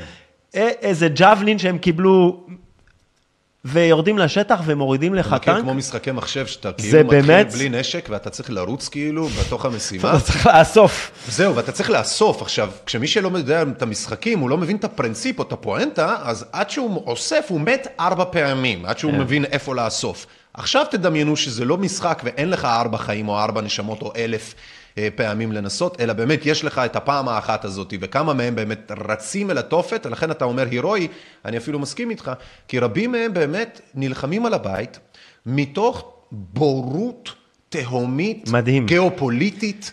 שהם אומרים, מתקיפים אותי, אני תוקף בחזרה, אבל אפילו אין להם מושג, לא על הפסקת אש, לא על זלנסקי, כן זלנסקי. זה בסוף האיש הקטן בשטח. שזה תוקפים ארוך? אותך, אתה כבר לא מעניין או. אותך גיאופוליטיקה, או. אתה לבד, אתה עם רובה, וראיתי השבוע כתבה... שפה גם, סליחה רגע, פה זה נותן לי אופטימיות, אוקיי, תכף נמשיך עם הכתבה כן, שראית, כן. זה נותן לי אופטימיות באיזשהו מקום, כי זה גם מה שראינו בקורונה עצמה, שלמרות שהותקפנו בצורה קיצונית, בהונאה המונית, בינלאומית, כן? מיליוני בני אדם בארץ, ובהשוואה ובהתאמה מיליוני בני אדם בכל מדינה ומדינה, שהבינו שמדובר בהונאה המונית, ופעלו איש איש לביתו לגופו ולמה שיש כן. לו, בלי לשאול, קמו והתחילו לצרוח, להשתולל, להגיד, וכל מה שאפשר לעשות כדי בעצם לעצור את החרא הזה מלהתרחש. אז בהיבט הזה דווקא אני מאוד אופטימי. אז במובן הזה ראיתי השבוע כתבה של, אה, אני לא זוכר, איזה ערוץ אמריקאי, לא זוכר אה, להגיד לך, אבל אה, שלושה חיילי מרינס לשעבר, כאילו חיל פרשים, כן, חיל הנחתים, סליחה, חיל הנחתים, כן. שנסעו, שוב, על חשבונם, פשוט קנו כרטיס, כן. נחתו באוקראינה, והחליטו לאמן פלנגות של אנשים איך, תג, איך תאגן, תאגנו על הבית שלכם. תגנו על הבית שלכם. והם, ואתה רואה כאילו, ואתה רואה בכתבה אנשים עם רובים באמת ממלחמת, ליטרלי, ממלחמת, כן. ממלחמת עולם השנייה, כל מיני טאמיגן וכל מיני כאלה דברים באמת אנטיקות, ואיזה חייל מרינס מלמד אותם איך להיכנס לבית ואיך לסגור פינות וכל, ואתה רואה אנשים צעירים יחסית, שכאילו, הם מבינים שזה הקרב על הבית, הם לא עוזבים. הם נשארים שם, הם מוכנים, הם מחכים לרוסים, והם אומרים, אני, זה הבית שלי, אני מחכה וזהו, ועם הרובה הזה אני אנצח. שמע, יש בזה משהו ש... אתה יודע, ב, ב, למרות שבתור לוחם אני רואה את זה, וכאילו באמת ליבי יוצא עליהם, לא- יוצא על האנשים האלה, איזה, גם סוג של הערצה, כי אני גם... אבל... אנחנו לוחמים, אחי. אנחנו לוחמים. מסתכלים על זה בזווית הזאת. ב- גם. מהזווית הזאת, משהו, אתה יודע, כאילו, שאפו, כאילו, מדהים, וואו, כאילו, באמת, זה... יש משהו שאתה רוצה להגיד, וואו, כאילו, זה יפה מה שאתם עושים.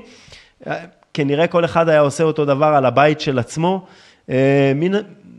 ברור שמלחמה זה חר, ברור שכאילו, הלוואי ולא היה צריך את כל חוץ הדבר הזה. מלרפאל, אלתא, אלביט, אלתא, אה, נכון, אמרתי סיבת נכון, וכל נכון, האלה, כן. נכון. אה, אני רואה פה מלא תגובות באתר, Oh אנחנו. ככה לקראת אה, לקראת אה, אבל לא, סיום. עשית, לא לעסתי כלום. יש, לא לעסת כלום, מעולה, זה מעולה. היום באמת אני רואה שאתה אתה מאוד לא מספק מרוכז, לי אחי. אוכל. אתה מאוד מרוכז, אתה מאוד מרוכז, זה יפה. יש פה כל מיני אה, תגובות של אה, חברים. אה, אה, מישהו כותב פה, ככה אני ככה קצת אעלעל בזה, באתר, אין ספק שהגיבורה המרכזית של ההונאות הנוכחיות היא הפסיכולוגיה השימושית. בנייה של טירוף קולקטיבי, ניטרול ואימפוטנציה של הכבוד האנושי. אני ממש ממש מסכים עם אה, מי שכתב את זה, זה באמת אה, קצת כאילו הכלי העיקרי ו- או הראשי שאיתו מסרסים פרטים, אומות, קהילות מ- מהיכולת לפעול ולעשות. אה, ושוב, אבל כמו שאמרנו מקודם, עדיין זה לא מונע ממיליונים לקום, גם מתוך הבורות שהם היו בה, טבעו בה וזה, לקום ולעשות אחרת, וזה באמת מה שמדהים. אה, רוני, למחמיאים לך על הז'קט, אה, שהוא מהמם, מאוד פורימי, עד שלא נדע, מה שנקרא, עד שלא עד נדע. לא ידע. עד לא ידע. עד לא ידע.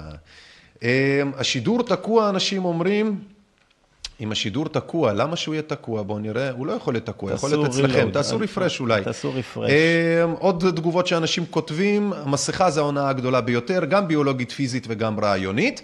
תראו, זה פסיכולוגי בעיקר לאנשים שעוטים את המסכה, זה לא אמור להיות בחוק, זה קצת כמו אם יש אנשים, סליחה על הבוטות עכשיו, כן? אם יש אנשים שאוהבים לגעת בעצמם בצורה כזאת או בצורה אחרת, זה לא ענייננו כהוא זה. ואין מה להפוך את זה לנחלתם של הכלל, בטח, שהוא, בטח שלא בתקנות או בחקיקה.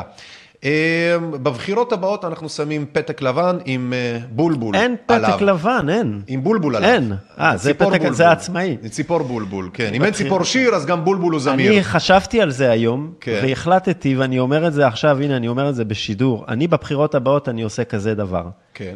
אני מציע את הפתק שלי למכירה. למכירה, אה, כמו למ- NFT. למכירה. NFT, אחי. אני אומר, תקשיב, זה רעיון. מי NFT ש- של פתק, אה, מי קלפי. שיציע לי יותר, אני אצביע עבורו. ואני אפילו אעשה איתו סלפי, ואכתוב אפילו טקסט קטן, כן. תצביעו לאיש הזה. אשכרה, אשכרה. הנה, בבקשה, פתחתי את זה פה, כאן ועכשיו. אשכרה. טוב, בוא ניתן מעברון. בום. טנק, טנק, טנק, טנק, טנק, טנק, טנק. חברים יקרים, אני רוצה להגיד לכם, באמת, זה אחד השידורים הכי כיפים שהיו לי עד היום. קודם כל הוא מהמשוחררים, הוא קצת יותר בגלל שלא צריך לדפדף בין מצלמות. פורים. ואז אפשר לעשות גם אפקט של, תראה, אני חודר לתוך העולם שלך, תסתכל. הופה. אתה מבין? אני חודר, אנחנו חודרים עולמות. אתה מבין? אני אוהב את השידור הם הזה. באמת באותו אולפן, שתי החארות האלה. אשכרה, אשכרה, אשכרה. שני קשתים מפגרים, כזה אקס לוחמים אה, ושרוטים בהווה. אנחנו מבטיחים לעשות תוכנית פעם אחת מוקדשת רק לזיכרונות ולענייני צה"ל. זה יהיה זה שידור יהיה מעניין. תוכנית של ארבע שעות. זה שידור מעניין, עם נרות נשמה וכל מיני uh, עמוד האש וכאלה. כן, לא, בכל מקרה, חברים יקרים, באמת אחד השידורים הכי כיפים, הכי משוחררים, הכי טובים שיש. Uh, לצערי הרב, הנושאים שאנחנו מדברים עליהם הם, לא, הם בכלל לא קרובים למשהו נורמל, נורמלי ושפוי, אבל, ושוב, זה גם משהו שעלה פה מקודם, חשוב שניזכר בכל פעם כזאת, שלמרות הכל, למרות שאולי אנחנו לא ויראליים ולא שומעים אותנו אף אחד לתחושתכם ולתחושת אולי כולנו, אנחנו כל כך, ברוך השם, לא מעטים, כן? כשבמדינת ישראל זה לפחות חמישה מיליון אנשים שהבינו את השטאנץ שיש הונאת המונים, כן? שגם אם אתם מרגישים לבד, עובדתית מספרית אתם לא, ושוב פעם, ככל שהם נלחמים בנו, ככה גם זו הוכחה, כי אם הייתם מיעוט, היו באמת מתעלמים מכם ומאיתנו. אבל בגלל שאנחנו לא, ולא מתעלמים מאיתנו, וכל שיט שאתם אומרים הוא כל כך, כל כך בסוף מתברר כנכון, היו סמוכים ובטוחים שלמרות שהמאבק קשה וארוך ומייגע ומעייף, אנחנו כבר מנצחים. והניצחון הוא לא אבסולוטי, זה לא הם הולכים ואנחנו נשארים, אלא יש מה שנקרא, אה, הם הופכים להיות האבנורמליים, הלא נורמליים, ואנחנו מגלים שבעצם הדרך שלנו וההבנה שלנו היא הנורמלית, והיא זו שאנחנו שואפים לכיוונה. וכן, יהיה פה קרב ומלחמה על אה, אג'נדות, על אינטרסים, על אה, אידיאולוגיות, וזה מה שקורה היסטורית תמיד, ואני רוצה לקוות ששוב פעם, היום במנעד הזה, זה מה שצריך שיהיה. אנשים שמבינים שלא צריך את כל הסדר העולמי החדש המושחת הזה, אלא צריך סדר עולמי קהילתי, אה, על ידי האזרחים, בידי האזרחים, בשביל האזרחים, וזה בדיוק מה שאני אישית מכוון בקטנה, בעולם הקטן הפרטי שלי לעשות. אנושות מיודעת יותר, עם ידע, כלים ומשאבים בחמשת המ"מים, שזה מזון, מעון, מלבוש, מורה ומרפא, כדי שהם יוכלו סוף סוף להחליט, לבחור ולעשות בעצמם ולעצמם, בצורה שלא יבכו לשלטונות, לא יחפשו שלטונות מפגרים כאלו ואחרים, לא יהפכו לחולי תסמונת סטוקהולם ועוד כל מיני הזיות פסיכוטיות. יהיה להם את הכלים להיות סוף סוף בני אדם. זו השאיפה הפרטית שלי, והיא מגיעה הרבה פעמים, כן, מתוך הצורך, מתוך הקשיים שאנחנו פוגשים אותם. אז מן, אם תרצו, מעז יצא מתוק. אני רוצה לקוות ולהאמין. רונילה, אופטימיות שלך לרגעי האחרונים של התוכנית. של השידור. אה, תדפקו תחפושת יפה של סטאר וורס, תעשו משהו כיפי. פורים, באמת תכלס, פורים, נכון. פורים, זה אחד החגים. אנחנו קצת מבוגרים, שוכחים את זה. לא, אני נורא אוהב את פורים, כי פתאום אה, הרחוב... לפחות הרחוב התל אביבי, אני לא יודע איך זה בשאר המקומות. זה, לא, לא... זה לא ישראל, תל אביב זה תל אביב. הרחוב התל אביבי הופך כן. להיות כל כך, אה, כולם, גם אם זה תחפושות מעפניות, כן. כולם עושים איזשהו מאמץ קטן והכל נראה כזה crazy, מוזר, הכל... ויש בזה משהו, כי ביום יום, שוב, אנחנו כי נורא... כי ביום יום זה כל כך שפוי. לא, אנחנו נורא סאחים, ג'ינס, חולצה, כולם נורא דומים כל הזמן. כן. שוב, אנחנו במדינת ישראל, אנחנו תא שטח שיש בו יהודים, פה ושם כמה ערבים, איזה מישהו שחור, איזה מישהו מאוד לבן, זהו, כאילו אנחנו... אנחנו נורא דומים כל הזמן מבחינת נראות ומבחינת תלבושות, ו, ופתאום הכל מוזר, הכל מצחיק, אה, וזה נורא כיף. יש בזה משהו נורא כיפי, הלוואי וזה היה ככה כל השנה. אולי בגלל שהם כולם שיכורים, אחי. לא. באמא. אני חושב לא. שאולי אם היינו ממסטלים את כל המדינה בערב הקורונה, הם היו מסתכלים ומבטלים את זה בשישים ואומרים, יאללה, יאללה, גם כן אתם. תנו לי סטלבט. זה מה שהם עשו אגב בפורים הראשון, כן? דווקא בשיא של השיא במרץ. אני זוכר, שכולם כן. היו מפחדים, באמת פחדו, אני לא אשכח את זה. הם עדיין הלכו למסיבות. הלכו למסיבות, אני זוכר שהיה קו שאפשר, יכלת להתקשר ולהגיד... מי חולה? מי, מי, מי יוצא למסיבות? כי הם, כי, הם, כי הם אמרו שמותר רק ככה וככה אנשים. וזה מדהים אותי שאפילו, אני לא אשכח את זה, מישהו הזמין אותי פעם לאיזה מסיבה, ואמרתי לו שאני לא מגיע, אבל אם הוא רוצה לבוא, אני אשמח.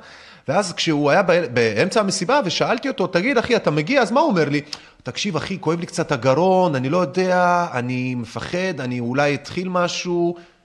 ואני שומע אותו במסיבה, ואז אני אומר לעצמי, טוב, הוא מוכר לי חרטות אחושרמוטה, כן? כי כאילו, אם הוא חולה במשהו, למה הוא עדיין נמצא במסיבה, כאילו, למה אתה נמצא במסיבה? ואז אתה מבין שבעצם כאילו זה טרלל את החולמניוקי ואיזושהי פסיכוזה המונית, ועוד פעם הונאה המונית, וכאילו... אני רוצה אבל להגיד... אבל בגלל, שוב, ככל שהייתה יותר ההונאה, ככה המסיבה שלהם אז ב-2020, פורים 2020, הייתה יותר גדולה, כי הם הרגישו שזה סוף העולם. ואת זה אף אחד לא יגיד שאנחנו אה, אה, לא צודקים. זה מה שרוב האנושות הרגישה. סוף העולם, בוא נחגוג, מתים או לא מתים, פורים. נזכרתי השבוע במשהו שקרה בתחילת הקורונה, באיזה, באיזה צנע קטנה, mm. שהתביישתי ממנה. ובתחילת הקורונה כמו כולנו, הייתי, אמרתי, זהו, אנחנו, הווירוס בא ואנחנו הולכים למות, ויום אחד יצאנו לרחוב, הייתי עם הילדים, וכולנו עם מסכות, זה היה באמת כאילו בשבועות הראשונים שכזה... ורץ לידינו מישהו, איזה בחור צעיר, אמריקאי, כן, כן. כזה, אתה יודע, שרירי כזה, עשה איזה ריצת uh, צהריים, כן.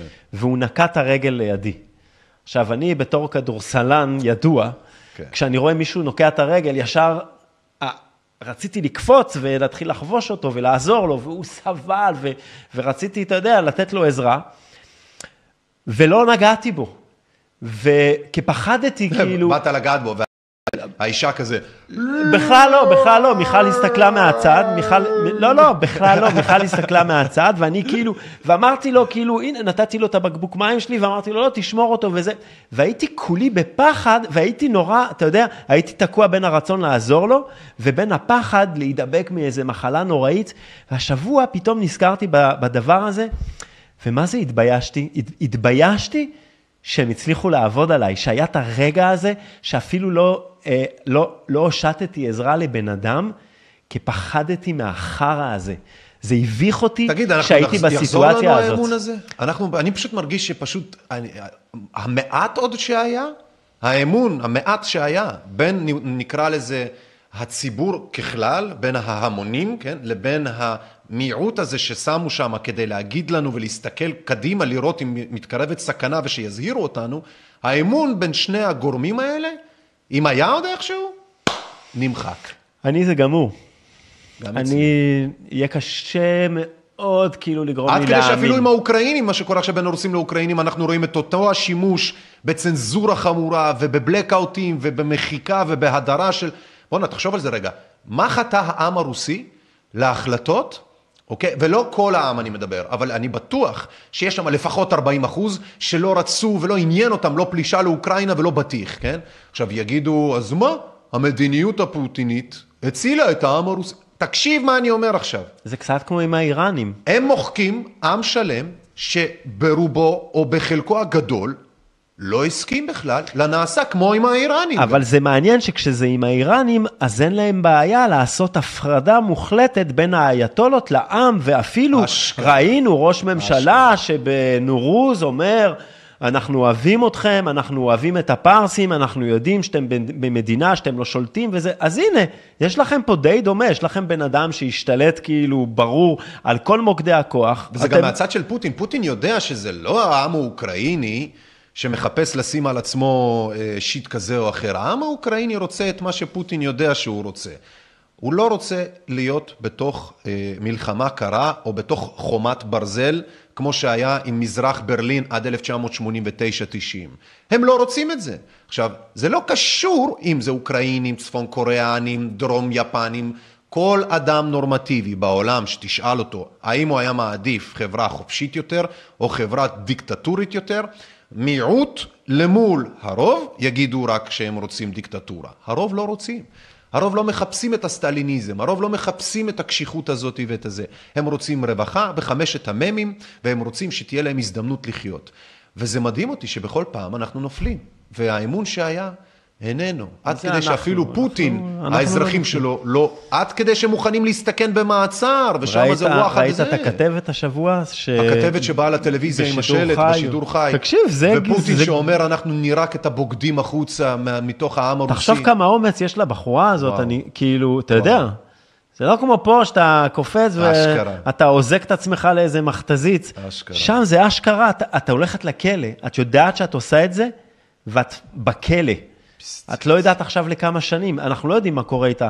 ראיתי שהיה לה איזה משפט, שהבית משפט קבע שיהיה לה איזה קנס, אבל אותה לא ראיתי שוב. תקשיב, זה כמו עם הכיכר טיינאנמן, עם הבחור עם השקיות סופרמרקט, שמגיע פתאום בצילום, לכיכר, הוא היה בהלם לכיכר לדעתי. בסין שם. הוא טעה בדרך. טעה בדרך, מגיע לכיכר, טור שלם של טנקים כאילו ממולו, והוא עוצר אותם ולא נותן להם לזוז. זה מהצילומים המפורסמים בהיסטוריה של האדם הזה שהוא נאלם, ועד היום אין איש יודע מה עלה בגורלו. מי הוא האיש הזה? מי הוא ומה עלה בגורלו. ומה אבל הוא קנה כולם שם? מכירים אותו, אתה. מבין? אין, זה תמונה מהמפורסמות. טוב, אה, אני אומר... אה, תחתום. את השידור הזה, כן, מספיק. בוא נעשה מעברון.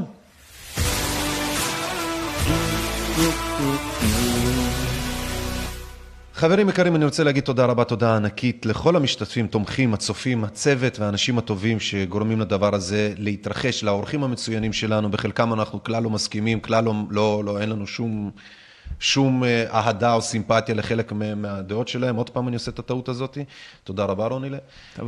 יום. אנחנו בסך הכל אה, עושים את העבודה שלנו באמת בגלל שצריך שמישהו יגיד את הדברים כהווייתם, כי יש אנשים שחושבים את הדברים האלה, ושלא פייסבוק ולא יוטיוב, לא גוגל ולא אף אחד מהפישרים האלה יסתום לכם ולנו את הפה. וכן, אני אומר את זה בלב כבד שיש כאלה אנשים, אבל היי, זו המציאות והם ישנם שם, כמו הרוסים עכשיו שהם עושים תעמולה, כמו האוקראינים שעושים תעמולה, כמו האמריקאים שעושים תעמולה, לטוב או לרע.